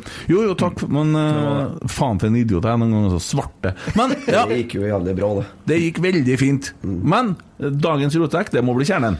Ja, definitivt. Og, Ti øh, av ti. ja, det er enkelt. Ti av ti. Det var faen meg det, ja. Ja. Og det, det er jo så vidt at det er plass til flere oppe her nå. Det er så deilig å få en sånn start som er her på sesongen. Ja. Og så er neste kamp Molde. Så er neste hjemmekamp Molde. Ja. Da blir det jo fullt oppe i kjernen, da. Ja ja, da skulle eh, For folk som, som sitter og lurer nå og tenker at det der ser da litt artig ut, hvordan skal jeg bli med i kjernen? Og få, så hvordan skal jeg, For det er jo mange sanger, og en tenker at det der er jo vanskelig å lære seg. Kjernen er egentlig bare som en helt vanlig forsamling av folk det, som eh, Som eh, Der har du alt av prester og satanister og alt som er. Ja, Jo Erik sier at det er alt fra prester til likskjendere. Ja. ja det tror jeg. Det, men altså, du, du har hele spekteret, så du spiller jo samfunnet. Ja. Men det er Folk er veldig hyggelig, åpen og Så er det noen som kan virke litt skummel, kanskje, på avstand. Men eh, det handler rett og slett bare om at de er over snittet gira når de er på fotballkamp. Og så Jeg har hatt med meg ungene mine på tribunen der før, ikke noe problem. Og snakka med en Heinz i stad. De var jo fire stykker på kjernetribunen dag. Storheten iallfall meg. Så det Ja. Og det er jo ingenting som samler folk mer enn å få en felles fiende. Og det får man jo når man står sammen oppå der, for da har man motstanderen som fiende. Og det er ganske samlende. Men eh, det jeg gjorde da i 2009, var første gangen jeg var med opp på Kjernen og sto der en del år. Eh, kunne jo ikke så mange av sangene, men jeg sto jo sammen med en som har vært her en del før meg, og det er han Tommy. Ja. Og så sang jeg med på noe av det som jeg har plukka på YouTube, for der ligger alle sangene ut. Og det å finnes en eh, Nå har det jo skifta navn, den Kjernen-TV, til Øvre Øst Media, er det? Ja. Og der ligger jo sangene ut, og det går an å høre dem i bilen på tur på kamp og sånn, og det er fort gjort. Altså, du trenger ikke å kan alt 100 det er bare å synge med, og så sitter det til slutt. For du gjentar og gjentar, ja, gjentar og gjentar og gjentar, og gjentar, og så, så sitter det til slutt. Og det er jo bare å få seg billett opp på kjernen og stille seg litt på sida, men for guds skyld være med og synge. Ja, være med og bidra. Ja, det er det, er, det, det er ingen som krever noe mer enn det. Nei. Og eh, hvis det er noen som ikke har vært på Kjernetribunen før, som har lyst til å komme på Kjernetribunen, så er alle hjertelig velkommen. Mm. Og så er det Hvis man føler seg litt usikker, så kan man jo kanskje starte ut på en av sidene, eller litt høyere opp, eller Mm. Ja. Så er det For er det det man ikke vil ha? Ja, ikke gratispassasjerer som står oppe her fordi at det er billige billetter som stiller seg langt ut på sida og ikke synger. Det vil Nei, man ikke ha skal, der. men man snakker da om Dere der er jo blitt en litt myte, egentlig. Mm. Fordi at eh, hvis du skal ha deg en billig kampbillett på Lerkendal, så er det jo mange andre plasser på stadion du kan sitte som er billigere enn Kjernen. Mm. En kampbillett i Kjernen nå tror jeg koster 220 kroner. Mm. Og det er ikke lavest priser på stadion, og det er med vilje. Ja, sikkert billigere på Øvre Vest, tenker jeg. Eller Ja, eh, nedre vest, nedre Ja. øst. Nå er jo den stengt i dag, da. ja. Men uh, Ja. Nei, men uh, for all del, vi kjører dagens uh, rotsekk der, ja. Dagens rotsekk. Jeg må gjøre noe med jinglen der, altså. Faen. Må gå an. Jeg kan eh, eh, ble ikke helt ferdig med kjernen, jeg. Oh, nei, nei, nei. Jeg, jeg vil innrømme en ting. Oh, ja. Jeg har aldri stått med kjernen. Jeg- Dæven, jeg har vært mye på Lerkendal. Mm. Men det er målet mitt i år. Skal jeg prøve en kamp på, Øvre ja, det må du gjøre. Ja, skal gjøre det. Da vil jeg være med. Ja, det skal du få. Det er en Ja, helt Kent. egen måte å se fotball på. Ja. Ja, jeg er jo ikke noe Nå skal, når Emil skal, og Tommy skal være med, og så begynner du å snakke om noe annet her. Nei. Hva sånn snakker jeg om noe Husk annet? at han har trykt øreapparatene i hva Kysser du mora di med kjeften Det stemmer. Hender seg noen gang at ræva di blir sjalu på all driten som kommer ut av kjeften på deg? Det gjør det òg. Ja. Eh, Nei, jeg kan bli med på der, for all del. Ja. Og bare sikre at jeg har spilling i nær fremtid etterpå, for at jeg blir så ivrig at jeg, ikke at jeg blir uberegnelig. Jeg. Dere tror kanskje han er mørk i stemmen nå, men prøv å være på jobb mandagen etter at han har stått oppe i kjernen nok. Det, Ja, men det, det som er bra nå, at jeg har eh, sunget så lite under korona, sånn at jeg har begynt å miste litt av den bassen. Men eh, allerede nå så er det ganske greit tilbake. For det er bare et par rop underveis, så får jeg litt i stemmebåndene. Mm. Nei, men dæven steike, kjernen i dag var tunga på vektskåla for tre poeng, jeg er helt sikker på. Og hender at vi klarer å få med oss tre poeng på en sånn Vi har gjort fire omganger uh, i tellende spill i år. Tre av dem er godkjent, én av dem er under pari. Helt enig. Veldig bra oppsummert, egentlig. Ja. Jeg tror det, altså. men i dag, jeg var, i dag ble det litt sånn som Nils Arne sa på den der uh, fotballens urkraft. Pari er seier. Ja. Og det fikk vi. Og det fikk vi, det. Men du, snakke om det. Eh, jeg så innsiden i går, jeg. Fra fotballandslaget. Futsal. Futsal, for faen! Det er mye F der. Skrev en sang en gang med flagg og skjerf. Det er ikke så lett å synge det heller. Det er ganske komisk å få det til bra i studio. Men eh, altså, jeg satt og så på den tekniske praten på det futsal-laget, da. Eh, og jeg kan gjenfortelle eh, hva de sier. Av det her, nå snakker vi taktikere av rang, som slakter Rosenborg. Det viktigste er å vinne kampen. The second half is the half of the better team. Det var det vi fikk se fra innsiden.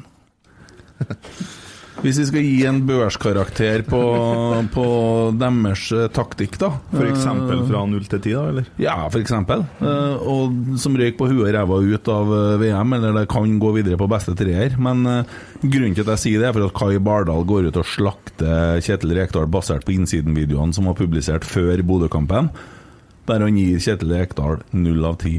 Han av alle burde jo forstå at medieavdelinga til Rosenborg deler ikke taktisk prat før en kamp. Det ville jo være å skjøte seg sjøl i hodet, egentlig.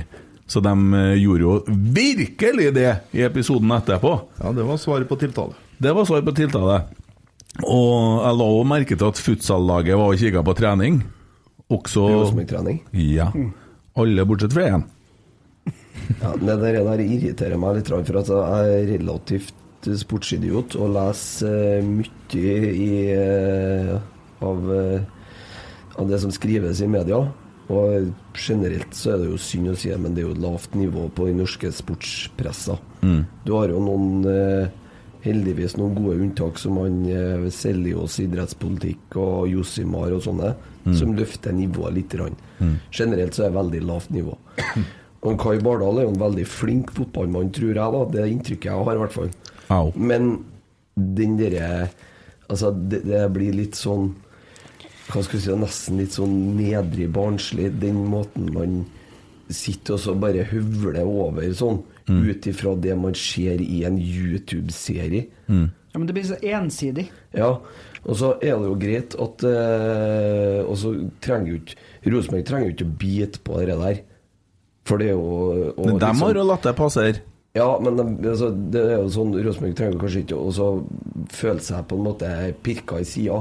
Men det er jo greit at Jørgen inviterer ham på trening. Ja. Men hvis han skal drive og mene noe om Rosenborg, så må du jo, da må du møte opp, da. Ja, jeg også synes det. han Og, men det som er problemet, da, og det som jeg sier så ofte, og det der, der så er jeg til en eh, Steffen eh, Hva heter han? Stenersen. Ja, og han eh, i Nidaros. Simen Pedersen. Ja. Og dere òg har et ansvar nå for hva dere omtaler publikumstallet på søndagen med. Vi har jo ikke noe ansvar, sier. Nei, ikke ansvar, greit. Men dere kan jo i hvert fall være med å bidra, for man må forstå at det er påskeferie.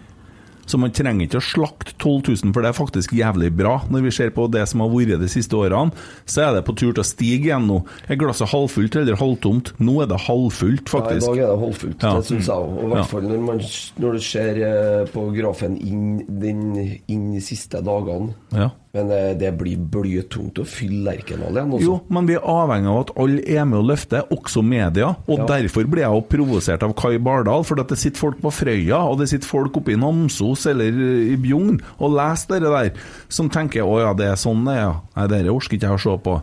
Og hvis at man da begynner å gi så se ting ifra med begeistring, da, og så gå tilbake til eh, litt før i tida, når man i hvert fall ikke var så jævlig nedlatende. For folk er da så forbanna nedlatende i sosiale medier. Altså, mener jeg Hvis at en ekspert skal få lov å slakte Rosenborg i år, eller for den eneste eksperten av de såkalte eksperter da, som har et godt nok grunnlag for å si noe om Rosenborg i år, det er en Svein Målen. For han har sett alle kampene, han har vært på treningsleirene, han er på treningene. Mm. han har full oversikt. Av de så, Og han er, ikke, han er ikke nedlatende. Han er langt ifra det. Det er Altså, jo saklig, i hvert fall. Han. ja, jeg syns det. Og, og han er ikke negativ. Nei, og så er han jo så legger han jo fram eh, det han mener skal være bedre, på en ordentlig forståelig måte for folk. Eh, og så eh, tar han, trekker fram det som er bra, og, altså, men han har grunnlaget for å for å mene noe om Rosenborg 2022. Mm, enig med deg. Og, det, og det er jo sånn Det er jo ellers òg, da. Eh, Så jeg blir jo sånn så noen som mener etterpå at vi sitter her og skal lære opp folk i hvordan vi skal være supporter. Nei, mener ikke det. For jeg tenker at eh, vi, vi, blir kalt langsidesupportere, og så har du dem som er sånn, og så har du sånn forskjellige grupperinger, bla, bla, bla. Men det er greit, så folk er jo glad i Rosenborg på forskjellige måter, og det er jo bra så lenge man er glad i Rosenborg og bryr seg om klubben. Så er det noen som syns det er greit å stå med gul vest og hjelpe til i en inngang. Og det er noen som syns det er greit å gjøre noe annet. Jeg har ikke noe oppskrift for hva som er rett og galt, men jeg blir så lei meg når det omtales eh, kronisk negativt, fordi at det skremmer bort tilskuere. Og jeg har lyst til at Lerkendal skal være full av folk, for det hjelper på økonomien til klubben. Det hjelper på alt, og det er mye artigere å være på kamp når det er fullt.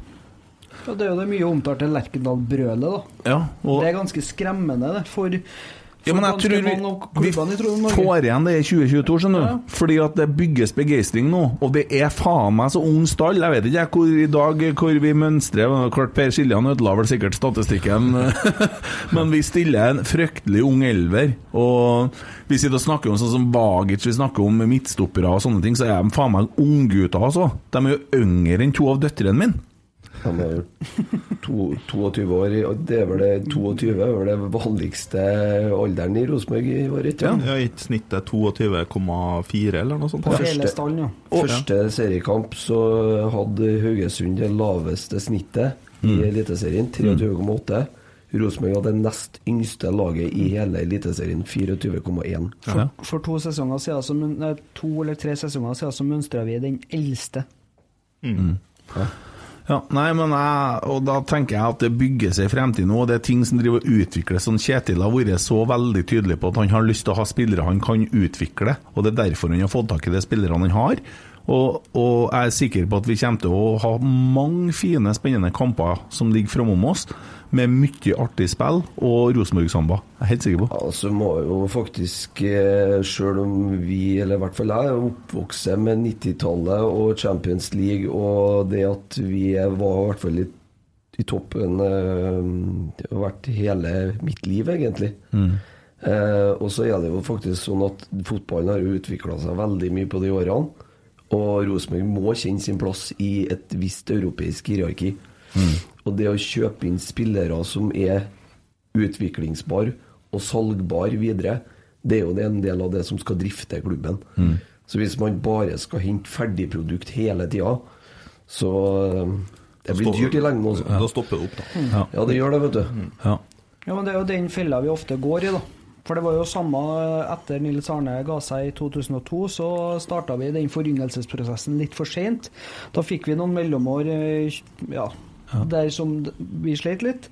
Og så gjorde vi akkurat samme brøleren på, eh, ja, etter 2010. Da har vi jo plutselig en Jo, veldig ja, men vi har gjort mye dumt, vi, jo, jo, men, men- vi må men- lære av det, og så må vi gå videre. Og så må vi ut, så nå er vi på Rosenborg 2-0, og så får vi en ny styreleder. Men, men det, var det var dere der vi kanskje var veldig gode til i den perioden vi vant 13 på rad, for at da henta vi to-tre nye hver sesong vi bytta ut. Ja, men det er klart, Nå når er, nå er det igjen to fra de siste tre årene. Ja, jo, men, men- vi måtte gjøre det nå. ja. Jo, og det er jo det. Det skal Åge Hareide ha litt av æren for. At ikke Pål André Helland står her og skårer mål fra midtbanen. Eh, uff, skal vi si noe om det, eller? Ja, det var, det var klasse. Men altså, jeg går jo og venter på at han skal bli skada igjen, liksom. Det er jo sånn. Uh, det Ja, Enn så lenge så er den rimelig høy og mørk nede på Romerike her nå. ass. Men hvem ville du ha bytta ut på Rosenborg med Pål André Helland? Ja? Altså, er sånn Pål, sånn som en Pål er nå, som ville jo ha spilt for eh, hvis, Men altså, han passer jo ikke inn her nå. Nei. Han passer jo ikke inn i den I hvert fall ikke i mitt hode. Nei. Og det samme gjelder jo Stefano Vecchia. Ja. Ja, kanskje. Ja, Se på hvordan han ter seg på banen. Han vet ikke hva han skal gjøre av seg. Og jeg, mener at han har litt å gå på i forhold til å forstå måten han spiller spille fotball på, og jeg tror det er derfor han ikke starter. Ja, men vi spiller jo 3-5-2 i dag. Mm. Og spiller vi 3-4-3, så er det jo plass til en type Vecchia, Mm. Helland, sånne type spillere. Jeg tror 3-4-3 ligger litt lenger fram i tida, for vi vi må bygge bakfra, rett og slett. Jeg tror det. Jeg ser ikke for meg at vi stiller 3-4-3 neste kamp heller. Jeg gjør ikke det, altså. Nei, hvorfor skal man gjøre om på den eh, planen som funka i Bodø mot Sarpsborg nå? Når man ikke skal spille borte der neste? Kanskje mot Jerv, så kan vi Jeg syns det virker så mye tryggere med tre sentralt, ja. er kontra det blir Børke litt nakent med to. Børke kommer mye mer til sin rett, og Skarsheim, eh, når han er tilbake, kommer mye mer til sin rett eh, som en slags indreløper i eh, den treeren på midtbanen der. Kreativ, Syns ikke, at Tommy ser ut som han har på seg sånn boksehjelm eller noe når han kjører headset-greiene litt sånn framme i panna. Rett over øynene her, Ja. ja. Sånn, ja. Så nordtrøndersk skjermhuv. ja, det var godt. Noen langa ut en liten en til en Tommy. Men jeg tror den Vekka blir solgt i sommer, ja. Ja, kanskje. kanskje. Da må vi ha noen nye, da. Ja. Ja, Hvem får vi lov til å kjøpe, da? Oi. Kristian Eriksen, da? Ja, kanskje det. Ja, en liten kunstpause må vi jo lense tanken litt etter å ha tømt barene i byen i går. Hvordan var det å tømme baren oppå Øvre Øst i dag, da?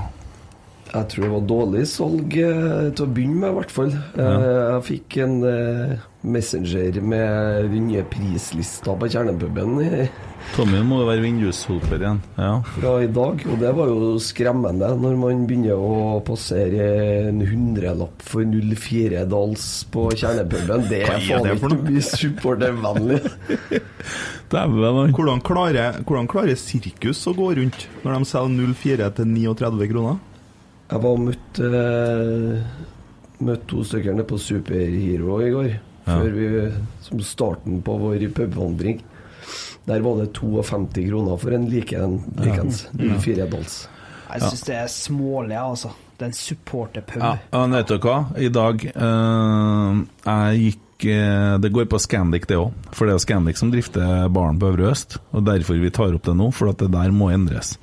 Eh, jeg gikk med minste dattera mi, hun, sånn, hun er litt eh, rar i matveien. Men så så vi oppå mesanin der, og inngangen opp med trappa her, lå det pølse med brød til dem som har mesanin 1, eh, tror jeg det heter. Eller den fremste, da. Ja, whatever. De hadde servering av pølse, og når hun kom inn på, på vippen der, da, så var det jo koldtbord og sånn. Det er jo ikke noe for en unge på tolv, sant. Eh, Så hun ville ha pølse med brød. Så tok jeg meg ut i gangen, for jeg tenkte jeg har nå spilt der og stått på. Sant? Så jeg, du, eh, jeg ser du har pølse, går det an å få på til Lisha her? Hun vil ikke ha noe til maten din. Nei, det er til dem inne der. Ja, men hvis du lurer, går det ei pølse sånn? Nei! Det måtte jo være mye butikk for Scandic å gi bort ei pølse og kaste et fat med golfbord, vel? Ja. Nei, så vi fikk ikke noe pølse, da. Eh, Det, det, det der Dette handler om totalopplevelsen. Nå er jo jeg det, De skremmer ikke meg bort om de så har servert hva faen som helst, for jeg er jo ikke for å ete. Men, eh, men det har noe med, med hvordan man altså, Her er det pølser man gir bort til et arrangement, og det er jeg sikker på. De hivde 16 pølser, de var ferdig. Altså, for faen, det er en unge på 12 år som står der og er sulten. Drit, altså. Det provoserte meg. Da tenkte jeg skal jeg gå og hente en Ivar Kotteng og spørre om For at det provoserte meg bare. Men eh, ja, det, det, sånn, dere, der er det mye å gå på. Det, vi hadde jo en pod her på onsdag med Pernille i forhold til sånne endringer og sånn, og ikke minst den puben her, da, som er på en måte det eneste puben kjernen har òg. Ja, det er jo det. Ja. Og der må Altså, nå har den der der vært skua på i så mange år, Ja. den kjernepuben. Det problemet. Det er bare sparker man lenger ned i gata for hvert år som går. Og nå er det på tide å virkelig ta et lite tak der.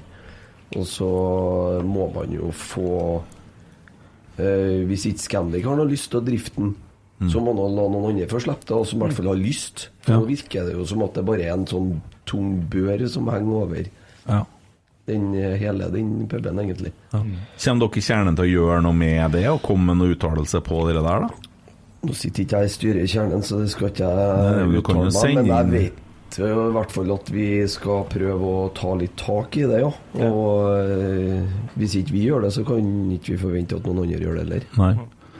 Nei, Det er jo enkelt. da. Det er jo bare kollektivt alle bestemmer seg for at vi kjøper ikke øl oppe her. Da går det fort før det er noen andre som drifter. Jo, jo, men det er jo ikke, det er jo ikke poenget her er jo egentlig ikke å boikotte sitt eget. Nei. For da skyter man seg jo i hvert fall i foten. Ja. For da sier de jo bare Ja, nei, men det er jo ingen som bruker det tilbudet her, så det er jo ikke noe vits i å ha det. Men må Da river vi puben, og så får dere heller flere sitteplasser her, da. Ja, for eksempel. Men altså, på, og det, uten at jeg tror det er aktuelt, men altså, vi må nå heller ta i et tak, da. Ja. Men nå må Rosenborg, og ikke minst Scandic, da, som har ansvaret for det her, faktisk prøve å legge litt grann i, i uh, drifta av den puben. De har jo fått en del hint nå både om det og om kioskutvalg, eller kioskkvalitet. Og i dag så sto vi jo, når vi kom inn, og da sto kaffekaiene klar og alt i hop. Og de sto tre stykker innafor kassa, og vi alle hadde lyst på kaffe. Og da fikk vi beskjed om at eh, kaffesalget åpna ikke før om et kvarter. ja. Da var det å gå opp, da. Da ble det ikke noe kaffe, da. Hvorfor det? Nei, de eh, hadde ikke, eh, de hadde ikke åpna. Så, hadde jeg en litt voksen Jeg orka ikke å stå og krangle, så hadde jeg en eh, litt eh, eldre mann bak meg, så sier han at ja, men kaffen er jo ferdig. Kan så Nei, de, de eh, kunne ikke eh, selge oss kaffe før om et kvarter. Og, det, og det blir litt sånn vi, vi er nødt til å ha og, og jeg syns det er litt dårlig gjort da, av Rosenborg eller av dem som drifter kioskene, å sette tre ungdommer i, i kiosken som De gjør jo sikkert alt etter boka, dem. Ja, det er jo ikke deres feil. Nei, men uh, jeg, tr jeg tror kanskje det er på tide at uh, man kanskje har en slags leder i hver kiosk, da. Som eh, hjelper til og bidrar og er Om det litt er service-minded. begrensa hvor du får til å drifte en sånn kiosk eh, med annet enn ungdommer og sånn, for det Ja. Syns det er rart at det, det kioskdrift skal være det mest betente problemet på Lerkendal stadion. Nei, det ble noe kommet innom det nå, men ja. Jo, men det er på en måte en av flere ting rundt kampopplevelsen, det òg, for folk. Men hvis dere hørte på Pyro og Pivo, den supporterpodkasten, eh, på torsdag var det vel, så hadde de eh, så hadde de besøk der av markedssjefen eh, i Vålerenga. Og han Daniel Strand, som er daglig leder i Skeid. Og de hadde egentlig Altså, få folk på stadion var temaet for episoden. Og det var veldig bra. For altså, han Daniel Strand han er jo supernerd på sånne ting som det der, og har jo skrevet oppgaver om eh, om publikum, eh, altså publikumstall og alt sånt. Eh, og der var det litt sånn ting som må være på plass på en stadion. Ting som trekker folk til stadion. Og, så det er et godt tips å høre på den. For der ser man jo sånn det, Hva de kalte det hygieniske eh, ved stadion. Da. Det er sånn Du må ha dass, du må ha tilgang til kiosk, du må ha sånne helt elementære ting. Det trekker ikke folk til stadion, men det må være der. Og så har du det som trekker folk til stadion, som f.eks. spillerprofiler. Eh, og det er ikke minst altså folk trekker folk, de bitene der, som egentlig er da magnetene. Men da må det andre ligge i bunnen, da. Ja. Så Det er interessant, det her, da. Ja, den var veldig interessant.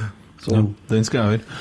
Ja, vi har jo en sånn brainstorming-pod med Pernille her, og det var alt fra sprøstekt løk til sodd til alt mulig greier, da. Men altså, vi tok nå med alt, og det er jo det folk ønsker, og de får et sånt bilde av hva det er folk øh, vil ha og trenger, og alt mulig til underholdning og øh, ting som skal foregå i pausen og involvere publikum og alt mulig og sånn, men jeg er helt enig. Folk trekker jo folk, og derfor jeg blir så frustrert på avisene, for at negativ omtale skremmer bort folk, og klarer vi å kollektivt få til en sånn begeistring nå, en kollektiv begeistring, der det blir kult å være i kjernen.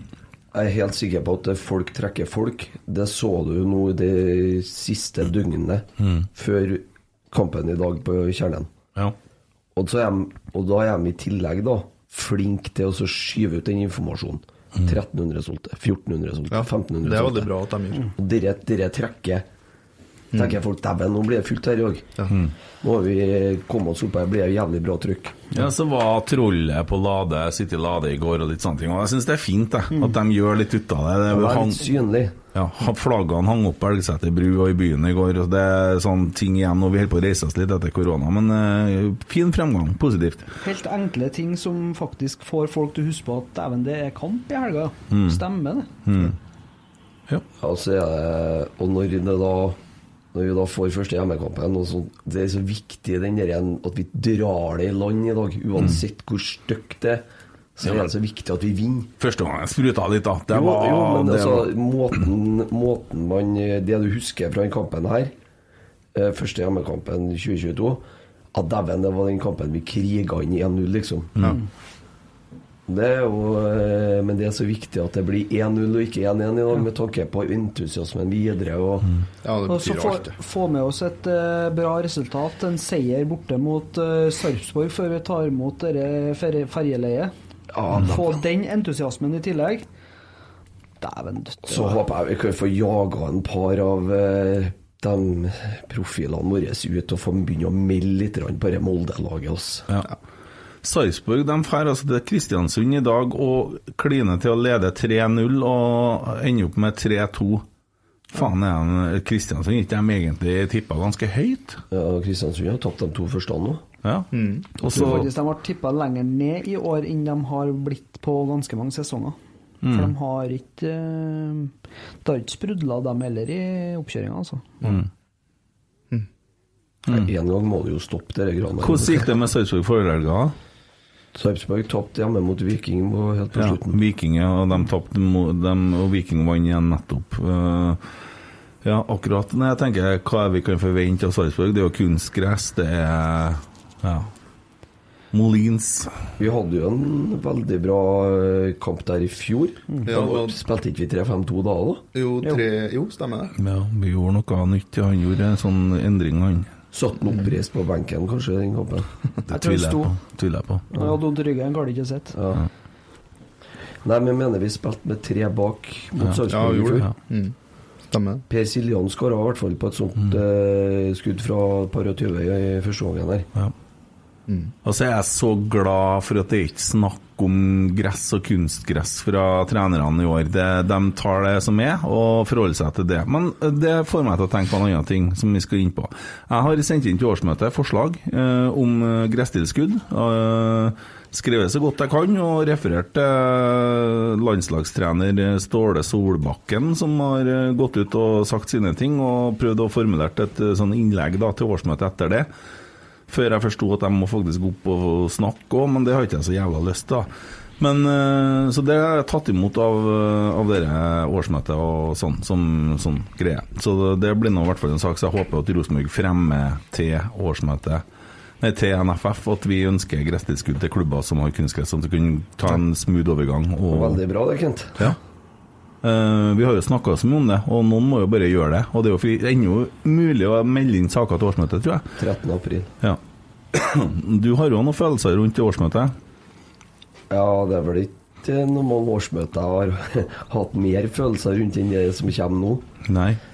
Så eh, Nei, altså det er jo flere ting som eh, man må diskutere. Én ting er jo valget av ny styreleder og sånne ting, men det er jo fusjonen som er den store saken, spør du meg. da. Mm. Du hoppa fort over styreleder. Hva du tenker du der, da? Nei, jeg tenker jo ikke Tore Strømøy. Ja. Punktum. ja. Ja. Du, har du hørt når han var med i poden her, eller? ja, jeg har hørt den. Ja. Og du har jo vært med og hørt av Cecilie, som er på en måte den som valgkomiteen har kommet fram til. Ja, da kan jeg vel s- Jeg mener i hvert fall du snakka ganske mye bedre for seg enn Tore Strømøy. Ja. Det er ikke noe tvil om det. Jeg syns hun virker som en sånn Marit Breivik-dame som involverer, inkluderer og forhører seg og sjekker og lytter til folk. Og at jeg tror at med hun så vil vi få et uh, styre som har en helt annen tilnærming til kommunikasjon med medlemmene. Jeg lurer på om hun har tenkt å sitte han i garderoben der, sånn som han eh, styrelederen har nå, gjør. gjøre Det var han i garderoben borte mot Bodø-Glimt, sa jeg. Ja, det var han sikkert, da. ja men er ikke han bare veldig glad i klubben og Jeg tror bare han er veldig glad i klubben. Altså. Jeg tror det. Ja. Men uh, den måten han har uh, tross alt leda, for han er jo styreleder Mm. uh, Den veien fram mot en eventuell fusjon, Mm. det er ja, skremmende. Ja. Ja, det er, jo, det er jeg jo helt enig i. Og det er jo hele styret, sånn som de la fram eh, fusjonsplanen når vi var på det medlemsmøtet sist, så føltes det som å være med på en propagandaaksjon fra noen som har en ensidig tale om at det her toget går. Det er jo for faen ikke noe tog som går, var ikke du som sa det? Den eh, arrogansen som viser seg, er det som egentlig skuffer meg mest. For at man bare peker ut en vei, og så sier man at vi skal dit, og så er det bare vær så god, sett dere bak og følg oss. Ja. Men er det noe Altså, hvis du går tilbake de siste fem årene, hvor mange store, viktige avgjørelser for Rosenborg som da Jeg sier ikke at hele det styret som sitter her nå har tatt det, men deler dem. Hvor mange av de store avgjørelsene har de truffet på? Hvorfor skal du helt ukritisk bare stille deg bak eh, det som de sier? Fordi at de mener at 1 pluss 1 blir 3. Det kan godt være det. Men vær så god, Jo, vi, men- men vis oss det, da. Jo, men eh, dere der, altså direkte inn på fusjoner, toget går. Det er jo noen som jeg har hørt noen sa da, det er jo ikke sånn at uh, Rosenborg kvinner da blir Lillestrøm. Altså det er ikke noen som kommer og tar dem. Liksom. det var jeg som sa det. ja, det er jo ikke noe, det er jo ikke noe jo ikke sånn sånn at det er jo ikke sånn at det er en opsjon her på at vi må ta det nå, ellers så kommer Molde og tar dem. Nei, det er ikke det. Og, og vi, altså, de er jo Rosenborg vinner uansett. Og det er jo på en måte en klubb som kommer med fire mille minus, og de har røde tall, og de har veldig belånt bygningsmasse på Lade, som er i dag to millioner i renta i året å betale på. Det er krig i Russland, det kan fort bli fire millioner i renta, det er for alt vi vet. Og det, det usikkerheten der og i seg sjøl burde være nok til at man sier at vi er stor bedrift. Det er snakk om en liten bedrift skal komme inn med litt minus her. Vi vil vente til jul, for at vi kan se litt nå hvordan vi har et driftsår her først, med aktiv fotball og tilskuere. Fordi at øh, markedsverdien til den andre bedriften er veldig lav. Det er jo bare sånn, og det har ikke noe med at vi ikke liker damer å gjøre. Det har noe med at vi tenker bedriftstankegang og bedriftsøkonomi. Det her handler ikke om likestilling i det hele tatt. Overhodet ikke. Når man begynner å trekke det likestillingskortet, da er det dessverre, sånn som jeg ser det, i mangel av bedre argumenter. Ja. For det er en veldig stygg vei å gå Mm. å kalle det her for en likestillingsdebatt. For det er det ikke. Nei. Da hadde de ikke hett for Rosenborg kvinner. Dattera mi kan godt spille på Rosenborg kvinner i dag, hun. Eller om eh, 15 år, da, hvis hun blir god nok. Ja. Det, er ingen som, det er ingen som ikke ønsker Rosenborg kvinner her. Men det kan ikke være sånn at det skal gå på bekostning av den klubben jeg er medlem av, og dere er medlem av. Så da må man heller gjøre en bedre Og så kan det jo godt være at det blir det som blir løsninga, at ja, vi må hjelpe dem litt i gang. Men er vi i en posisjon der vi faktisk kan det nå? Men ikke nå. Vi er jo ikke det. Vi har jo 40 mil i fjor, 40 mil året før, i minus. Ja, og det var det jeg mente i stad, litt med den arrogansen som jeg føler man blir møtt med. Fordi at jeg spurte to ganger på forrige medlemsmøte om å få regnskapet for 21 og budsjettet for 22. Da var jo ikke serien starta nå, vi begynte veldig bra. Men vi har 40 millioner i minus i fjor, 39 et eller annet. Eh, vi budsjetterer med et snitt på 13 000. I dag var det akkurat 12 og så blir det sikkert flere mot Molde. Men altså, dette kan jo endre seg utover sesongen. Vi budsjetterer helt sikkert med sølv igjen, vil jeg tro. Det har vi jo alltid gjort. Er det noe realisme i det? Hvis jeg har sagt til dere før sesongen vi budsjetterer i år med sølv, vi må ta sølv for å gå i null, hadde dere trodd det? Nei, jeg ville ha sagt bronse. Det er nok litt høyt, kanskje, ja. Og så skal man stille en risikokapital på fire millioner. Og så nekter man å legge fram tallene. Så medlemmene som skal gjøre seg opp en mening her, de vet, de vet bare at du skal stille en risikokapital. Men de vet ikke om du må ta opp lån på stadion for å, å punge ut den risikokapitalen.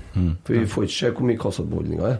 Nei, Nei det, er, det er ting som er håndtert veldig dårlig. Eh, Det er nesten så man blir litt sånn sjokkert. Ja, for det der, der, det er så enkle ting, ikke sant? Ja. Når, Og- når RBK kvinner kan stå og vise fram nøkkeltallene Det er ingen som ber om et totalt eh, regnskapsgjennomgang.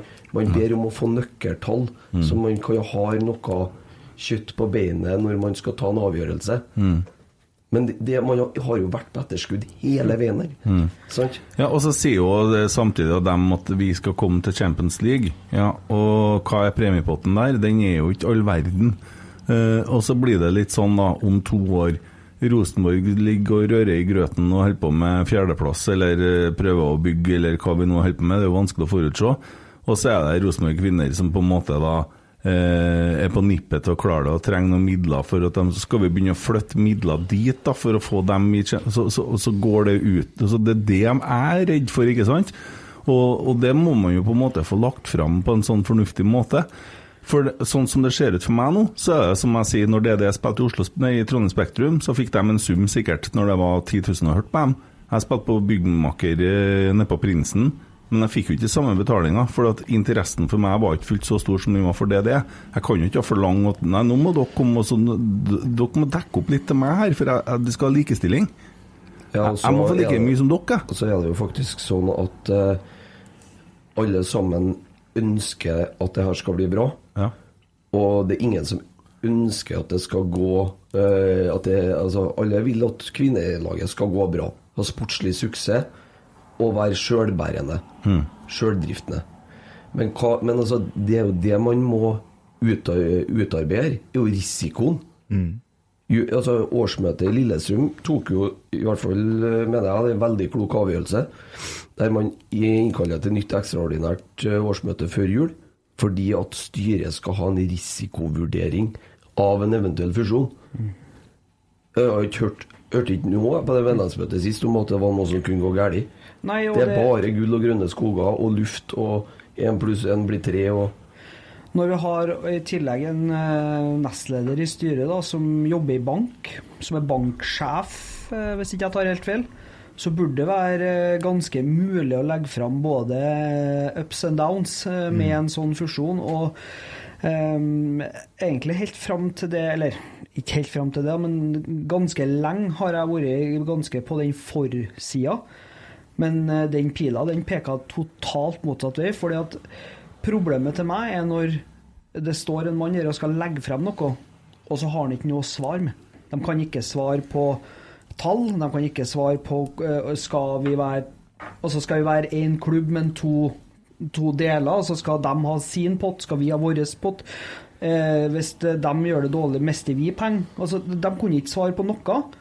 Og i tillegg så har de snakka om en femårsplan som de ikke får til å presentere. For den, Den den finnes jo ikke. ikke. Nei, det, det fant jo Altså, det svaret ga jo Magnus oss da han stilte spørsmålet.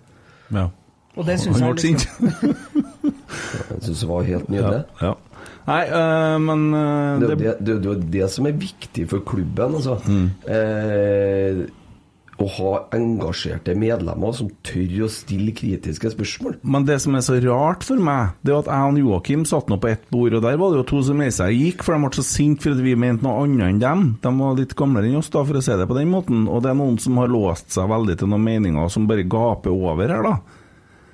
Og som får vaffelkake innimellom. Jo, jo, men altså Hvis alle sammen bare skal sitte og applaudere, Ja. hvor er Jo, nei, Altså, hvor- jeg er helt, helt enig med deg. Så, men øh, håper jo at folk øh, skjønner alvoret her òg, for det handler jo faktisk om fremtida til klubben òg. Ja, i verste fall gjør det jo det. Ja. For det er ingen som har Jeg har ikke sett noen har sagt det høyt. Nei. Ingen har visst det på Powerpoint.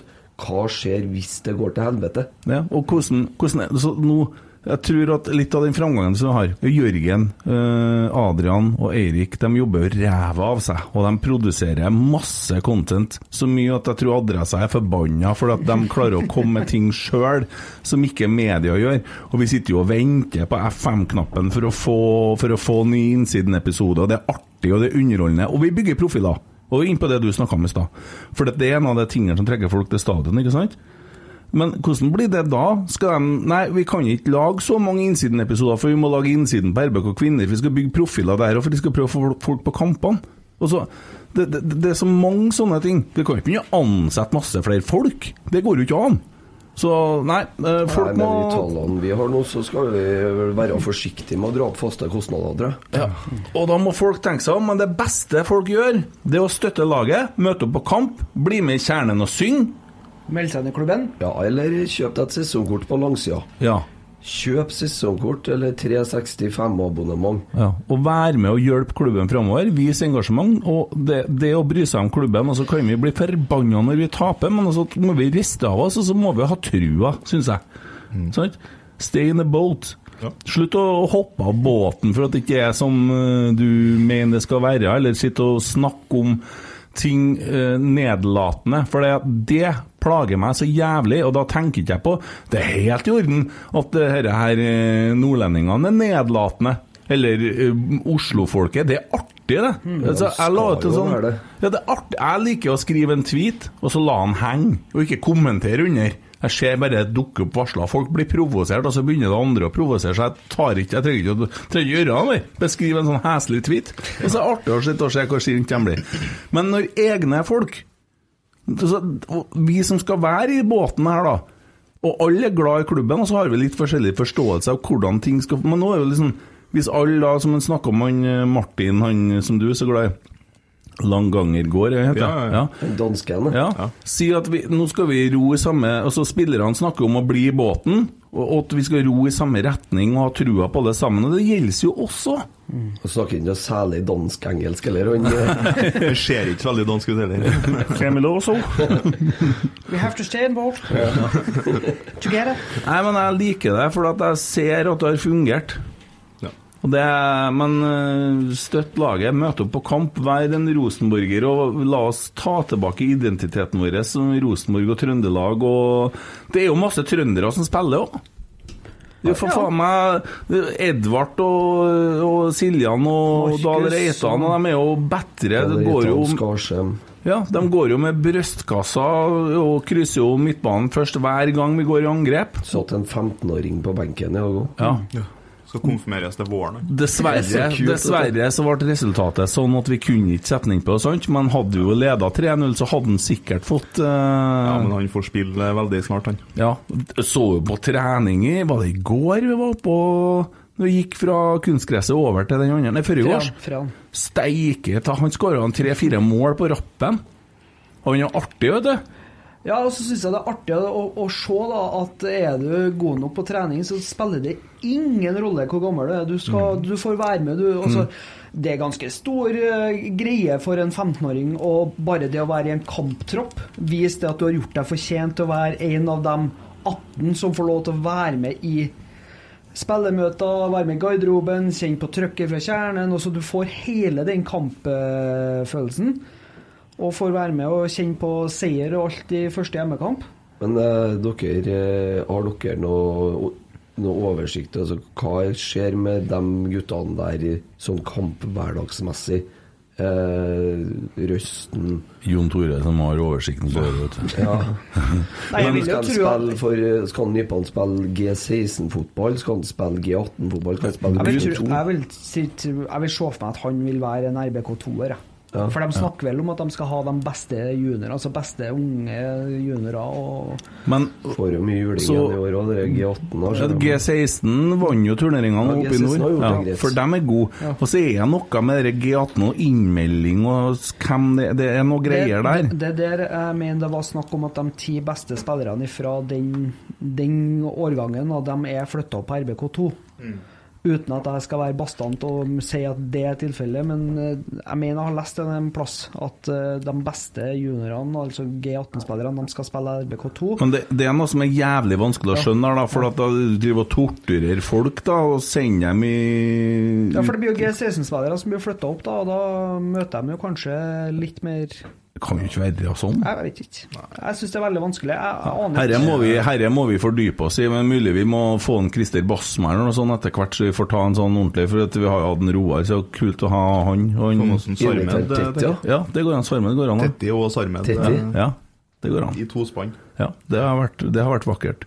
Ja, nei, men det var artig å se at eh, G16 gjør det bra. Uh, mm, uh, mer om Sarpsborg, da. Det er om mandagen, om åtte dager.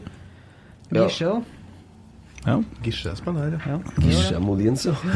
Skåra i dag. Gjorde det? Skåra tredjemålet til Sarpsborg. så- bare ikke han blir sånn kanon Han kanonform. meldte jo litt hardt om treningshverdagen i Rosenborg, og det skjønner vi jo. Vi så Ja. jo, all- Alle så jo det samme. Kan komme og se på treninga nå, han Gisje, så skal han få prøve seg. Få juling av Markus. Ja.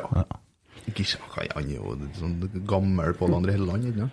Vi kan, Nei, jo- det- det er- vi, vi, vi kan jo se sånn, da. Eh, nå leser jeg jo bare statistikken, og den kan jo lyge, men eh, Kristiansund har da seks sjanser, skårer to mål. Sarpsborg har fem og skårer tre.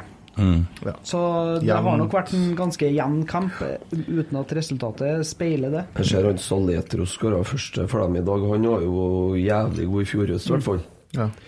Men Sarpsborg var vel egentlig ganske bra sånn i døtten når vi møtte dem i fjor, var de ikke det, egentlig? Jo, jo. Litt sånn start opptur, men de fikk jo seg Vi tok dem jo greit i den matchen. Det er jo ny, det er jo ny trener og ny giv der òg, så det er klart at eh, at eh, det er jo en sånn bortekamp som er litt enten-eller. Men eh, jeg ønsker meg virkelig en seier der, altså, så vi kommer inn med enda mer trua mot Molde. Ja. Tar gjerne reprise av den eh, Bodø-kampen, altså, bare med tre poeng. Ja. Helt klart. Skal ikke underholde noen lell, vi på bortebane. Vi skal ha med oss poeng. Men det er litt deilig å ha en trener som sitter nå og jobber med Sarpsborg, sikkert på skjerm allerede i kveld, og studerer dem. Og ja, det er, ja, det er godt å vite, for at Geir er så knallhard på treningene, og han har så kustus på de tingene der, og så er det Kjetil som sitter og tenker og spekulerer og Ja, det Jo, men det er jo som en Christer sier, altså, vi, vi skal ikke fære rundt i Norge og underholde uh, andre lags supportere, vi. Vi skal ta tre poeng på bortebane, vi. Vi skal samle mest mulig trepoenger uansett hvilken bortebane vi er på. Og da spiller det egentlig ikke noen rolle. Går det buss til Sarpsborg, eller? Ja, ja. Ja. Kjernen setter buss, både fra Oslo og Trondheim. 150 kroner for medlemmer. Det er ganske billig. Det er billig. Det er billig. Så eh, kan man jo i da investere i et kjernemedlemskap, eh, f.eks. hvis man ønsker å være med på den bussturen der, fordi at det vil komme flere veldig rimelige bussturer utover. Turer er noe som blir satsa på i år, da. Så Jævla. Jon Tore som er tursjef, ikke det? Nei, Jon Tore er ikke tursjef lenger. Ikke det? Han var det? Han var det for Ja. mange år siden. Å ja, oh, ja. ja. Det er to kamper jeg har vært med på, han har vært tursjef. Eller som på Nå kommer det et sånt eventyr igjen. Da, begge de var tursjef, og det var Ja, magisk. Hintse han har tatt på seg å ha egen buss til Molde og sånn, tror jeg kanskje. Ja. Som turans... Det er sånn bussansvarlig. Bussansvarlig. Ja. Det er veldig artig på borteturer. Ja, det er det. Det er turene som teller. Det blir for få, vet du, men, eh, men sånn, siste borteturen min tror jeg var PSV 2019. Det var jo siste kampen før korona, egentlig. Ja. Sånn at når de kaller oss langsidesupportere, så kaller de deg for hjemmesupporter, eller eh, får du noe sånn skjellsord? du? Jeg vet ikke hvem som kaller dere for Det er langsidesupportere. bare noe noen her har blitt litt fornærma på. Nei, ja, det, er, det var vel bare en sånn Jo Erik som var litt artig. Jo Erik hadde en veldig fin tweet for noen år siden, nei, Facebook-innlegg på ei sånn Rosenborg-gruppe at du er ikke ordentlig supporter uten at du er og ser på kampene, altså uten at du møter opp på stadion. Og da, det, det, det ble action! Og, så Da tror jeg han bare skrev det lena seg litt tilbake og satt og flira, da, for da kom jeg, folk blitt fornærma, vet du. Skjønner at jeg har kols og bor på Berkåk og bla, bla, bla. Det sånn, Ja, det, var, det var han en tenkte på, først og fremst. Ja. ja. Ja. Ja, men det er jo Nei, altså det, Alle trengs, og det er jo sånn Jeg merker jo når at uh, kjernen synger 'Rosenborg', så hører andre stadion for at det, det er jo trøkk, sant? Så kjenner jeg sånn Rosenborg Litt sånn avmålt og forsiktig, for man er litt brydd av at omgivelsene skal høre seg og sånn. Det har vært bedre og bedre utover i dag, Ja, da. men, og det tenker jeg at uh, når at vi er litt tullete vi på langsida da, og klarer å dra opp det, så smitter vi dem rundt oss, og da tørs de mer. Så egentlig så er det litt lurt, Så. Fordi at, uh, at folk som har stått i kjernen da, og på en måte har begynt å sitte og sett kamper, da, så, så er det ganske smart hvis man tør å blæse ut litt. Men jeg la merke til en ting ute i andre omgangen i dag. Altså, det var etter den perioden der de hadde den i tverrliggeren, den i stolpen, og så vi var litt kjørt. Og så, vi, og så hadde vi ballen en liten stund og fikk trilla litt, og egentlig fikk roa ned litt. Så begynner folk å pipe. Ja, det, Ja, det hørte jeg. Er det, hva er det for noe? Nei, da, da, der har du de andre langsidesupporterne. Det som Ja, det var jævlig mange rundt meg som var forbanna på det. Men det er jo de Ja, samme som sitter og kauker 'fremover' Ja. hele kampen. De skjønner jo ikke fotball, det er jo det som er problemet. altså, hvor er folk hen egentlig da? Hvor er realiteten Nei, det- til folk? Nei, men de er, de er i 19... Altså, vet, nei, de er tilbake og så 1996. Har, nei, men så har man jo sånn bilde av at alt var så jævlig mye bedre før, men det var da ikke det, sjø. Og så se på Du må huske på hvordan banene så ut fra 1. april men altså, Hvordan var Rosenborg i 2002, da, som vi sitter og ser på denne urkraftgreia der nå? Det, det faen meg hang jo og dingla en tynn tråd her midtveis i, i serien. Det var ikke sånn fantastisk fotball som foregikk da heller. Nei, men poenget er det at det var liksom For da var jo ganske mange flere gressbaner, og det var jo kjempebra. Men samtidig så var jo ikke alle banene som var riktig klar for seriestart i april-mai. Det var ikke Lerkendal eller Nei, nei, nei men, men samtidig, og derfor så syns jeg det er urettferdig da at alle tror at eh, det var propagandafotball og nydelig eh, eh, tikki-taka for flikkflakk. Ja, fordi at det er sånn som det er på YouTube, så kan du gå inn og søke der, så dukker brannkampen fort opp, og så dukker sånne ting opp, og så ser du for mye på YouTube-klipp, så tror du at det er sånn hele tida. Vi vant jo bare 2-0 og 3 og 1 og sånne da, og ting da òg. Vi leda mot Bodø, så leda vi 4-0 en gang under Neggen, og så vant vi 4-3. Vi fortsetter som noen gærninger å angripe, så vi holder på å velte, sant? Så Men eh, 2-1 borte mot Sogndal, eh, 1-0 mot Kongsvinger i sånn knokkelkamper der Eggen var vi tapte jo i Kongsvinger, vi Ja. tapte jo i Sogndal. Ja, det er det jeg mener, da. Ja. Folk har glemt alt. De, de tror at alt var rosenrødt Ja, og bare på- nydelig fotball. var på Åråsen, og så Rosenborg tapte 3-0 da, mot Lillestrøm i 96. Ja. Det husker jeg ennå. Ja. Da skåra faktisk assistenten vår. Stemmer det. Ja, han var jævlig god i innkampen. Kåre Ingebrigtsen har spilt. fikk gult kort gjorde han for å kaste ballen knallhardt i matta, som sprang ti meter opp. Klikka på dommeren for et eller annet, det husker jeg fra den tida. Men eh, altså, det er greit at folk vil ha fremover-fotball og progresjon der her. Men eh, nå må jeg det så, må ta litt mer ro. Har akkurat begynt, altså. Det første hjemmekamp. Og vi når- leder jo. Ja, Også når man blir trykt bakover og får et par eh, gig gigasjanser til, får så, så må man få litt ro. Og faktisk, som han eh, som satt på sida til meg, sa nå er det bra de får hvila litt med ball. Ja. Mm. få, da må de få andre laget til å sprenge litt. Ja, så må folk huske litt tilbake i fjor, da. Når det var sånn der, skulle være sånn tut- og kjøreopplegg. Når det var i de verste periodene der. Og så var vi på vei framover med ball, og så mister vi den. Og så er det autostrada mot vårt mål. Sånn mange mål var vi slapp inn på her i fjor. Jo, mange. Ja. Og ballwatching. Å, herregud. 17 mål, sa han Geir Frigård på årsmøtet til Kjernen. Ja, Slapp. Rosenborg inn på kontringa mot Ja. i fjor. Ja. 17 mål. Ja. Ja, de de, det, det imponerte meg, den der, der saken som var på kjernen der. Og når at de tok opp klipp fra denne treningskamp og viste Ser du her, så vi, går det fire sekunder, og her er vi sju mann i angrep før det blir mål og sånne ting. De har liksom alt som de viste, og forklart hvordan man kommer med wingbackene og hvordan vi kommer massivt inn i boks og sånn. Det var ganske herlig å se også, hvordan eh, tanker de har rundt det. Ja, de var, jeg tror de overraska mange eh, den kvelden der. Ja, det var mange som tenkte jøss, dette blir bra. Når Roar gikk ut og fortalte hva han syntes om 3-4-3 og tankene bak det, og hvorfor han har snudd i forhold til det. Ja. Det var jeg er fortsatt en 4-3-3-mann, ja, men, eh, men det kan godt bli bra, det her. Ja, jeg tror det blir litt enten-eller, da. Jeg tror det blir som du har sagt før. Det blir enten Hertha Berlin eller sparken, for å si det sånn. Ja, men det, det, det er jo sånn det er, og det ender jo der til slutt. Det er jo ikke sånn at uh, Ser ikke for meg at Kjetil Rekdal øh, lykkes og blir så glad i Rosenborg at han aldri vil dra videre heller. Så Derfor jeg spurt øh, Cecilie om hun begynte å kikke på nye trenere. For det vil jeg tro at de, de må jo begynne å se på det. Vi må jo jobbe med det. Altså Uansett. Det må vi jo alltid gjøre. Og det kan jo nå stille spørsmål om du snakka om styret i stad, hvor mye man hadde jobba med sånne ting før, da. Så, men øh, nei. Har vel ei liste, tenker jeg. Ja, det kan hende det finnes ei liste. Jeg håper at det finnes ei liste. Jeg håper det. Ja, Ifølge sittende styreleder så kan jo hovedtrener når som helst kjøre seg i hjel, så eh, lista er sikkert på plass. Ja,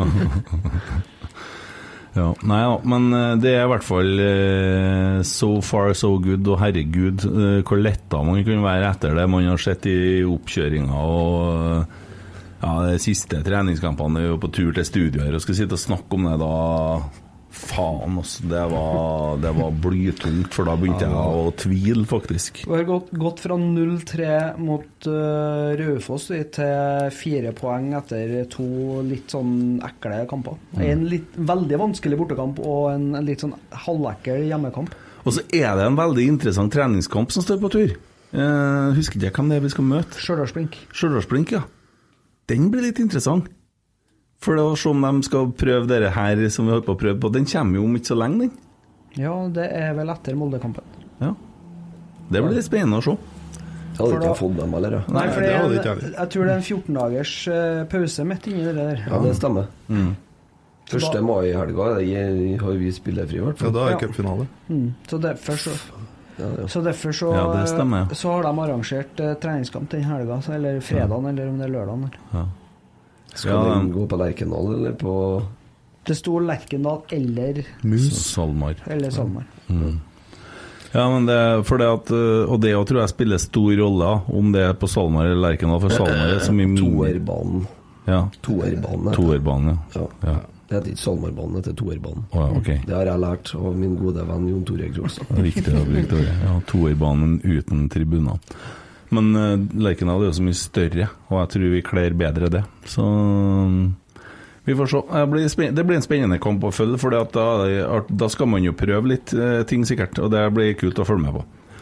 Men eh, herregud, det er mye bra som skjer, og nå er det positiv trend. Og publikumstallene gikk rette veien, spør du meg. Glasset er halvfullt. Og mot Molde så skal du se at ja, det kan hende at det blir artig. Det kan hende bli artig. 12 av 21, så det er litt mer enn halvfullt. Mm. Det er det. Helt på å fylles opp. Men og husk på det at det er påske. Folk har dratt på hytta. Ja, absolutt. De har det. Ja. Og når vi møter Molde hjemme, så er det ikke påske.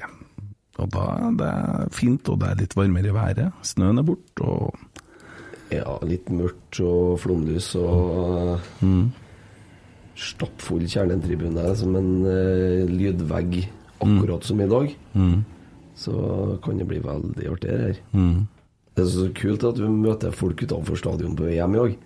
Vi vinner 1-0, og så Ja, sånn som kampen etter hvert blir, så er folk så jævlig glad. Ja, hadde det vært eh, på slutten av kåretida, så hadde folk vært sur. Fordi at jeg spiller for dårlig ditten datten. Men dem som tross alt møter opp på Lerkendal i dag, de 12 000, det er jo folk som er ordentlig, ordentlig glad i klubben. Det er det grunnfjellet som eh, som er med egentlig eh, med altså, noen tusen fra eller til, men altså, du har jo et grunnfjell av Rosenborg-supportere som alltid er der. ikke sant? Du har de 5000 sesongkortene i år nå, som jeg tror normalt sett ville kanskje vært litt høyere. Men dem som er her i dag, er virkelig interessert. Mange har kjørt inn ned fra fjellet, inn fra Hitra, inn fra Frøya, fra påskeferie, bare for å se kamp. Ja, vi har fått jævlig mange snapper med lange bilturer. Ja, vi har det. Jeg snakka jo med en som skulle kjøre tog i 17 timer. Så jeg lurte jo på om han kom fra Mongolia, eller faen hva han gjorde. Men det var tur-retur, da. Så det var fra Fauske. Fra Fauske, ja. Ja. Ja. Det er en bra tur, det, altså. Rosenborg-supporter i Fauske. Det er kult. Ja, Ja. så Da er det fint at eh, når man går ut av stadion, da, så er man glad for å ha kriga med seg tre poengene, ja. istedenfor å være misfornøyd for at man Og ikke blir vi med. snakka igjen i stad om 22-åringer, og det er 22-åringer som kriger. Som går i krigen og vinner dueller her. Det er faen meg tøft, ass.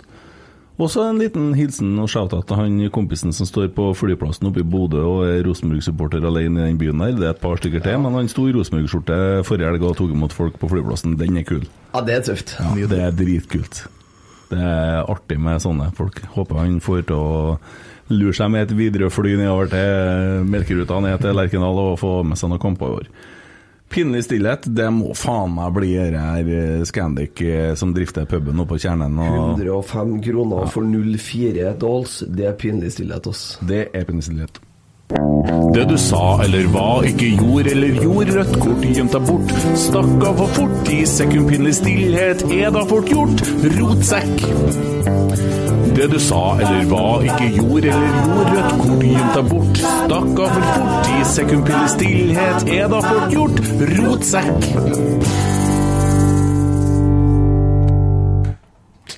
Herlig. Heller ikke herlig. Men uh, sånn er det. De har valgt å kjøre den prisen. Grusomt. Dæven, jeg er glad i ikke drikker. Hvordan går det med deg, Emil? Holder på å bli dårlig form? Kjennes ut som jeg er på å døve. Jeg er så dårlig i form. Ja. Jeg sitter, eh, Det høres jo fælt ut, men jeg sitter bare og gleder meg til vi er ferdige. Så jeg kan kjøre hjem og legge meg. Ja. Nei, jeg er vel bare å Jeg avslutte, så vi får lasta opp denne episoden. Ja, jeg tror vi må gjøre det, også. Ja. Syk. Ja, jeg vet da faen, jeg. Et eller annet. Kanskje jeg er bare helt utlada Du, du ser ut som en Erlendal Reitan når du hadde den livepoden og messa Ja, for det var ikke så verst. Når jeg, når jeg dro i dag, så var jeg egentlig ganske fin. Og så ble det litt sånn Og når jeg kom hit nå, var det bare Men altså, du, du sitter i stillongs med en strekkajakke eller genser, hva faen jeg skal kalle det, med sånn Forsvarets ullfrotte under. Ja, ja, og Det er faen ikke M77 på fotene. Det er faen ikke rart at du svetter, mann.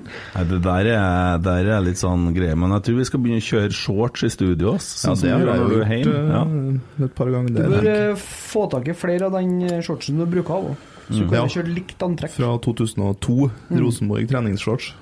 Med grønn og svart. Beste shortsene er de svarte Adidas-shortsene der. Mm. Det er- Helt nydelig. De er så svære. Ja, de skal være sånn skikkelig baggy. Ja, ja, ja. Nei, den bruker jeg hver dag, nesten. Og så må vi bare Ole Sæter han sier jo at han er så glad at vi kommer på treninga. Og i dag er 10. april. I morgen er trening halv elleve, står det. Men jeg ville ikke ha tatt det for god fisk, for da, da er det som regel sånn at uh, de trener inn. Uh, og så står det at det er ikke noe for 14. april. Det er mulig Jørgen har gjort en feil her. Uh, for det skal sikkert være den 12. òg, ikke 10. i dag. da. Jo. Tiende i dag. Går Kona har bursdag. For de har ikke to dager fri. ai, ai. De har ikke to dager fri, vet du. Nei. Men det ligger ut, er bare å skrive treningstider RBK, så kommer det opp ei side der det ligger ut når Rosenborg trener, og det er fint, og det er sosialt, og mye koselige folk å møte på trening, sant? Ja. Vi møtes jo på trening første gangen. ja, Ja. det gjør vi. Det blir sånn å prate. Ja. Det er sosialt. Det er nydelig. Ja. Jeg liker flirer det. Tommy? Ja, det er, nå er det nydelig, ass. Det ser ut, det ser ut som de skal ha to dager fri på rapp- rappen. Det virker rart, syns jeg. Det må være noe blings fra han eh, Stenseth og co. Uh, Blingsa litt sist år, så. Men det bruker jeg å si ifra. så dæven, det beste med neste kamp er at jeg ikke skal spille. Jeg får konsentrere meg om kampen og ikke skal spille gitar. For at det, det ble sånn uh, mindfucked i dag at jeg har ikke liksom klart å være 100 til stede, føler jeg. Men eh, Jeg skjønner jo det. Satt og følte meg litt utlada under kampen. Eh, gleder meg til å sitte på DB-feltet og eh, snakke med guttene rundt oss fra uh, Kan jeg fra Ekne, eller der, der omkring, han som er blitt litt kjent med der. Han Skogn. Ja, så, der, ja. Ja. Trivelig, trivelig. Resultattips neste helg, da? Nei, hvorfor det? Nei ja, det er bare sport. Tre poeng. Tre poeng, ja. Det er et godt tips. Seier er pari. Ja. Kan jo si som uh, Si som uh, dere her uh, futsal-laget til slutt. Noen som blir sur på oss når at vi melder på dem, men jeg syns jo nei, sier du det? jo det er greit at vi sier ifra, for det handler jo litt om at uh, når de melder så hardt på Rosenborg som null av ti Det er ganske brutalt ifra en uh, fyr som er ansatt eller jobber i VG, altså. Ja, så når du stikker fram hodet, så må du tåle å få igjen. Ja, for faen. Men uh, da tenker jeg at vi legger opp taktikken til neste helg. Det viktigste er å vinne kampen. Og second half is the half of the better team. Kan ikke det være taktikken for uh, vi kjører samme som futsal-laget? Så stay in the boat. ja. ja. Taktikken er vinn kampen. Jævlig bra taktikk. Camel toe er en bra taktikk, tenker jeg. Ja. Få det på. Takk for at du ble med og satt her i lag med oss, da. Bare hyggelig. Jeg og få Ja, kjeft. Vært positiv. Faen så positiv. Må faen meg slutte med. Er positiv. Jeg må jo, jeg, det er jo ikke noen grunn til å ikke være positiv nå.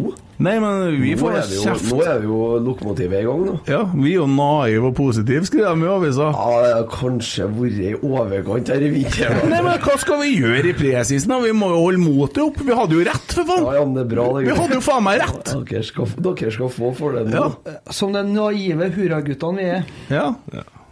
Nei, Ja, ja, ja. vår misjon var å få folk på kamp, og det kommer det alltid til å være.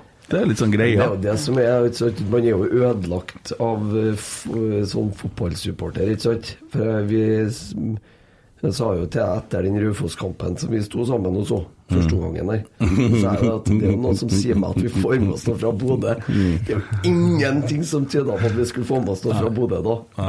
Men eh, det, man er jo så ødelagt at man tror jo hver gang man Jo, Jo, men man kan jo, altså, Som supporter av Norges største klubb, de kan jo aldri miste trua. Nei, Da er man jo ferdig. da kan du jo bare slutte å se kampene. Ja, for da er det jo ikke noe artig lenger hvis du går og er skeptisk eller negativ på forhånd. Altså, poenget må jo være å glede seg til hver jævla kamp, og så se på dere Sunderland til I die, da.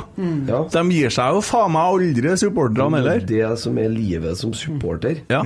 Det er jo det at man har hele tida det lille Ja. du, du kan aldri ta fra en supporter håpet. Og så er ikke er ikke sånn at vi sitter og så sier å ja, nei, det styret har sagt det, så da er det rett. Vi er jo ikke sånn. Vi er jo ikke sånn, nei. Vi, er jo, vi, har, vi har da meninger og sånn hver for oss, og vi har forskjellige meninger og sånn òg. Så det, det Nei. Ja, heldigvis er vi en eh, bred masse med supportere på Lerkendal, og veldig veldig mange intelligente medlemmer som er flinke og engasjert. Mm. Og det er en styrke for Rosenborg som klubb. Absolutt. Emil, Skru av poden her nå. Ferdig. ferdig nå? Ja. Så Formel 1 i morges, da? Ja, ja. Herlig. herlig. Ja, nydelig. Ferrari, vet du. Ja, Fellali, ja. Ja. ja. men den er rask i år, uten at vi skal gå inn på det. ja. Nei, det er kos. Ja, nei, men igjen, takk for at du kom. Takk for meg. Eh, Skal jeg avslutte med noe smart, eller hvordan skal vi gjøre her, Tommy? Nei Prøv å si noe mens jeg leter. Hæ? Ingenting? Er det tomt? Har ikke Ja. noe? Har ikke noe smart å komme med? Nei, det er tomt nå. ja. 143 000! Det, det er jo helt hinsides. Jeg tenkte jeg skulle liksom ha en sånn fin eh, fade på slutten her. da. Forresten, eh, hyggelig at dere stemmer på dette nede av Radiotoppen. Det setter jeg pris på, for at jeg har vunnet fem uker på rad. Det er ingen som har gjort før. De skjønner ikke en skit, de, vet du. men det er jo fotballsupportere. Gjengen blir glad i en sang, så stemmer de faen meg, ja. Så det er jo klart, det er jo ikke Det er derfor man klarer å vinne sånne konkurranser. Det er Sist- artig. Sist jeg sjekka, så hadde du 60% av stemmene gangen her òg. Ja, det er koselig. Nei, men det er jo hyggelig, det. Og ja. Sånn er det. Takk for denne gangen. Det kom en melding òg. Kom en sånn uh, Kommer sikkert en til før vi er ferdig. Men det er så fint å slutte med 'Vi står sammen'. Só fruta com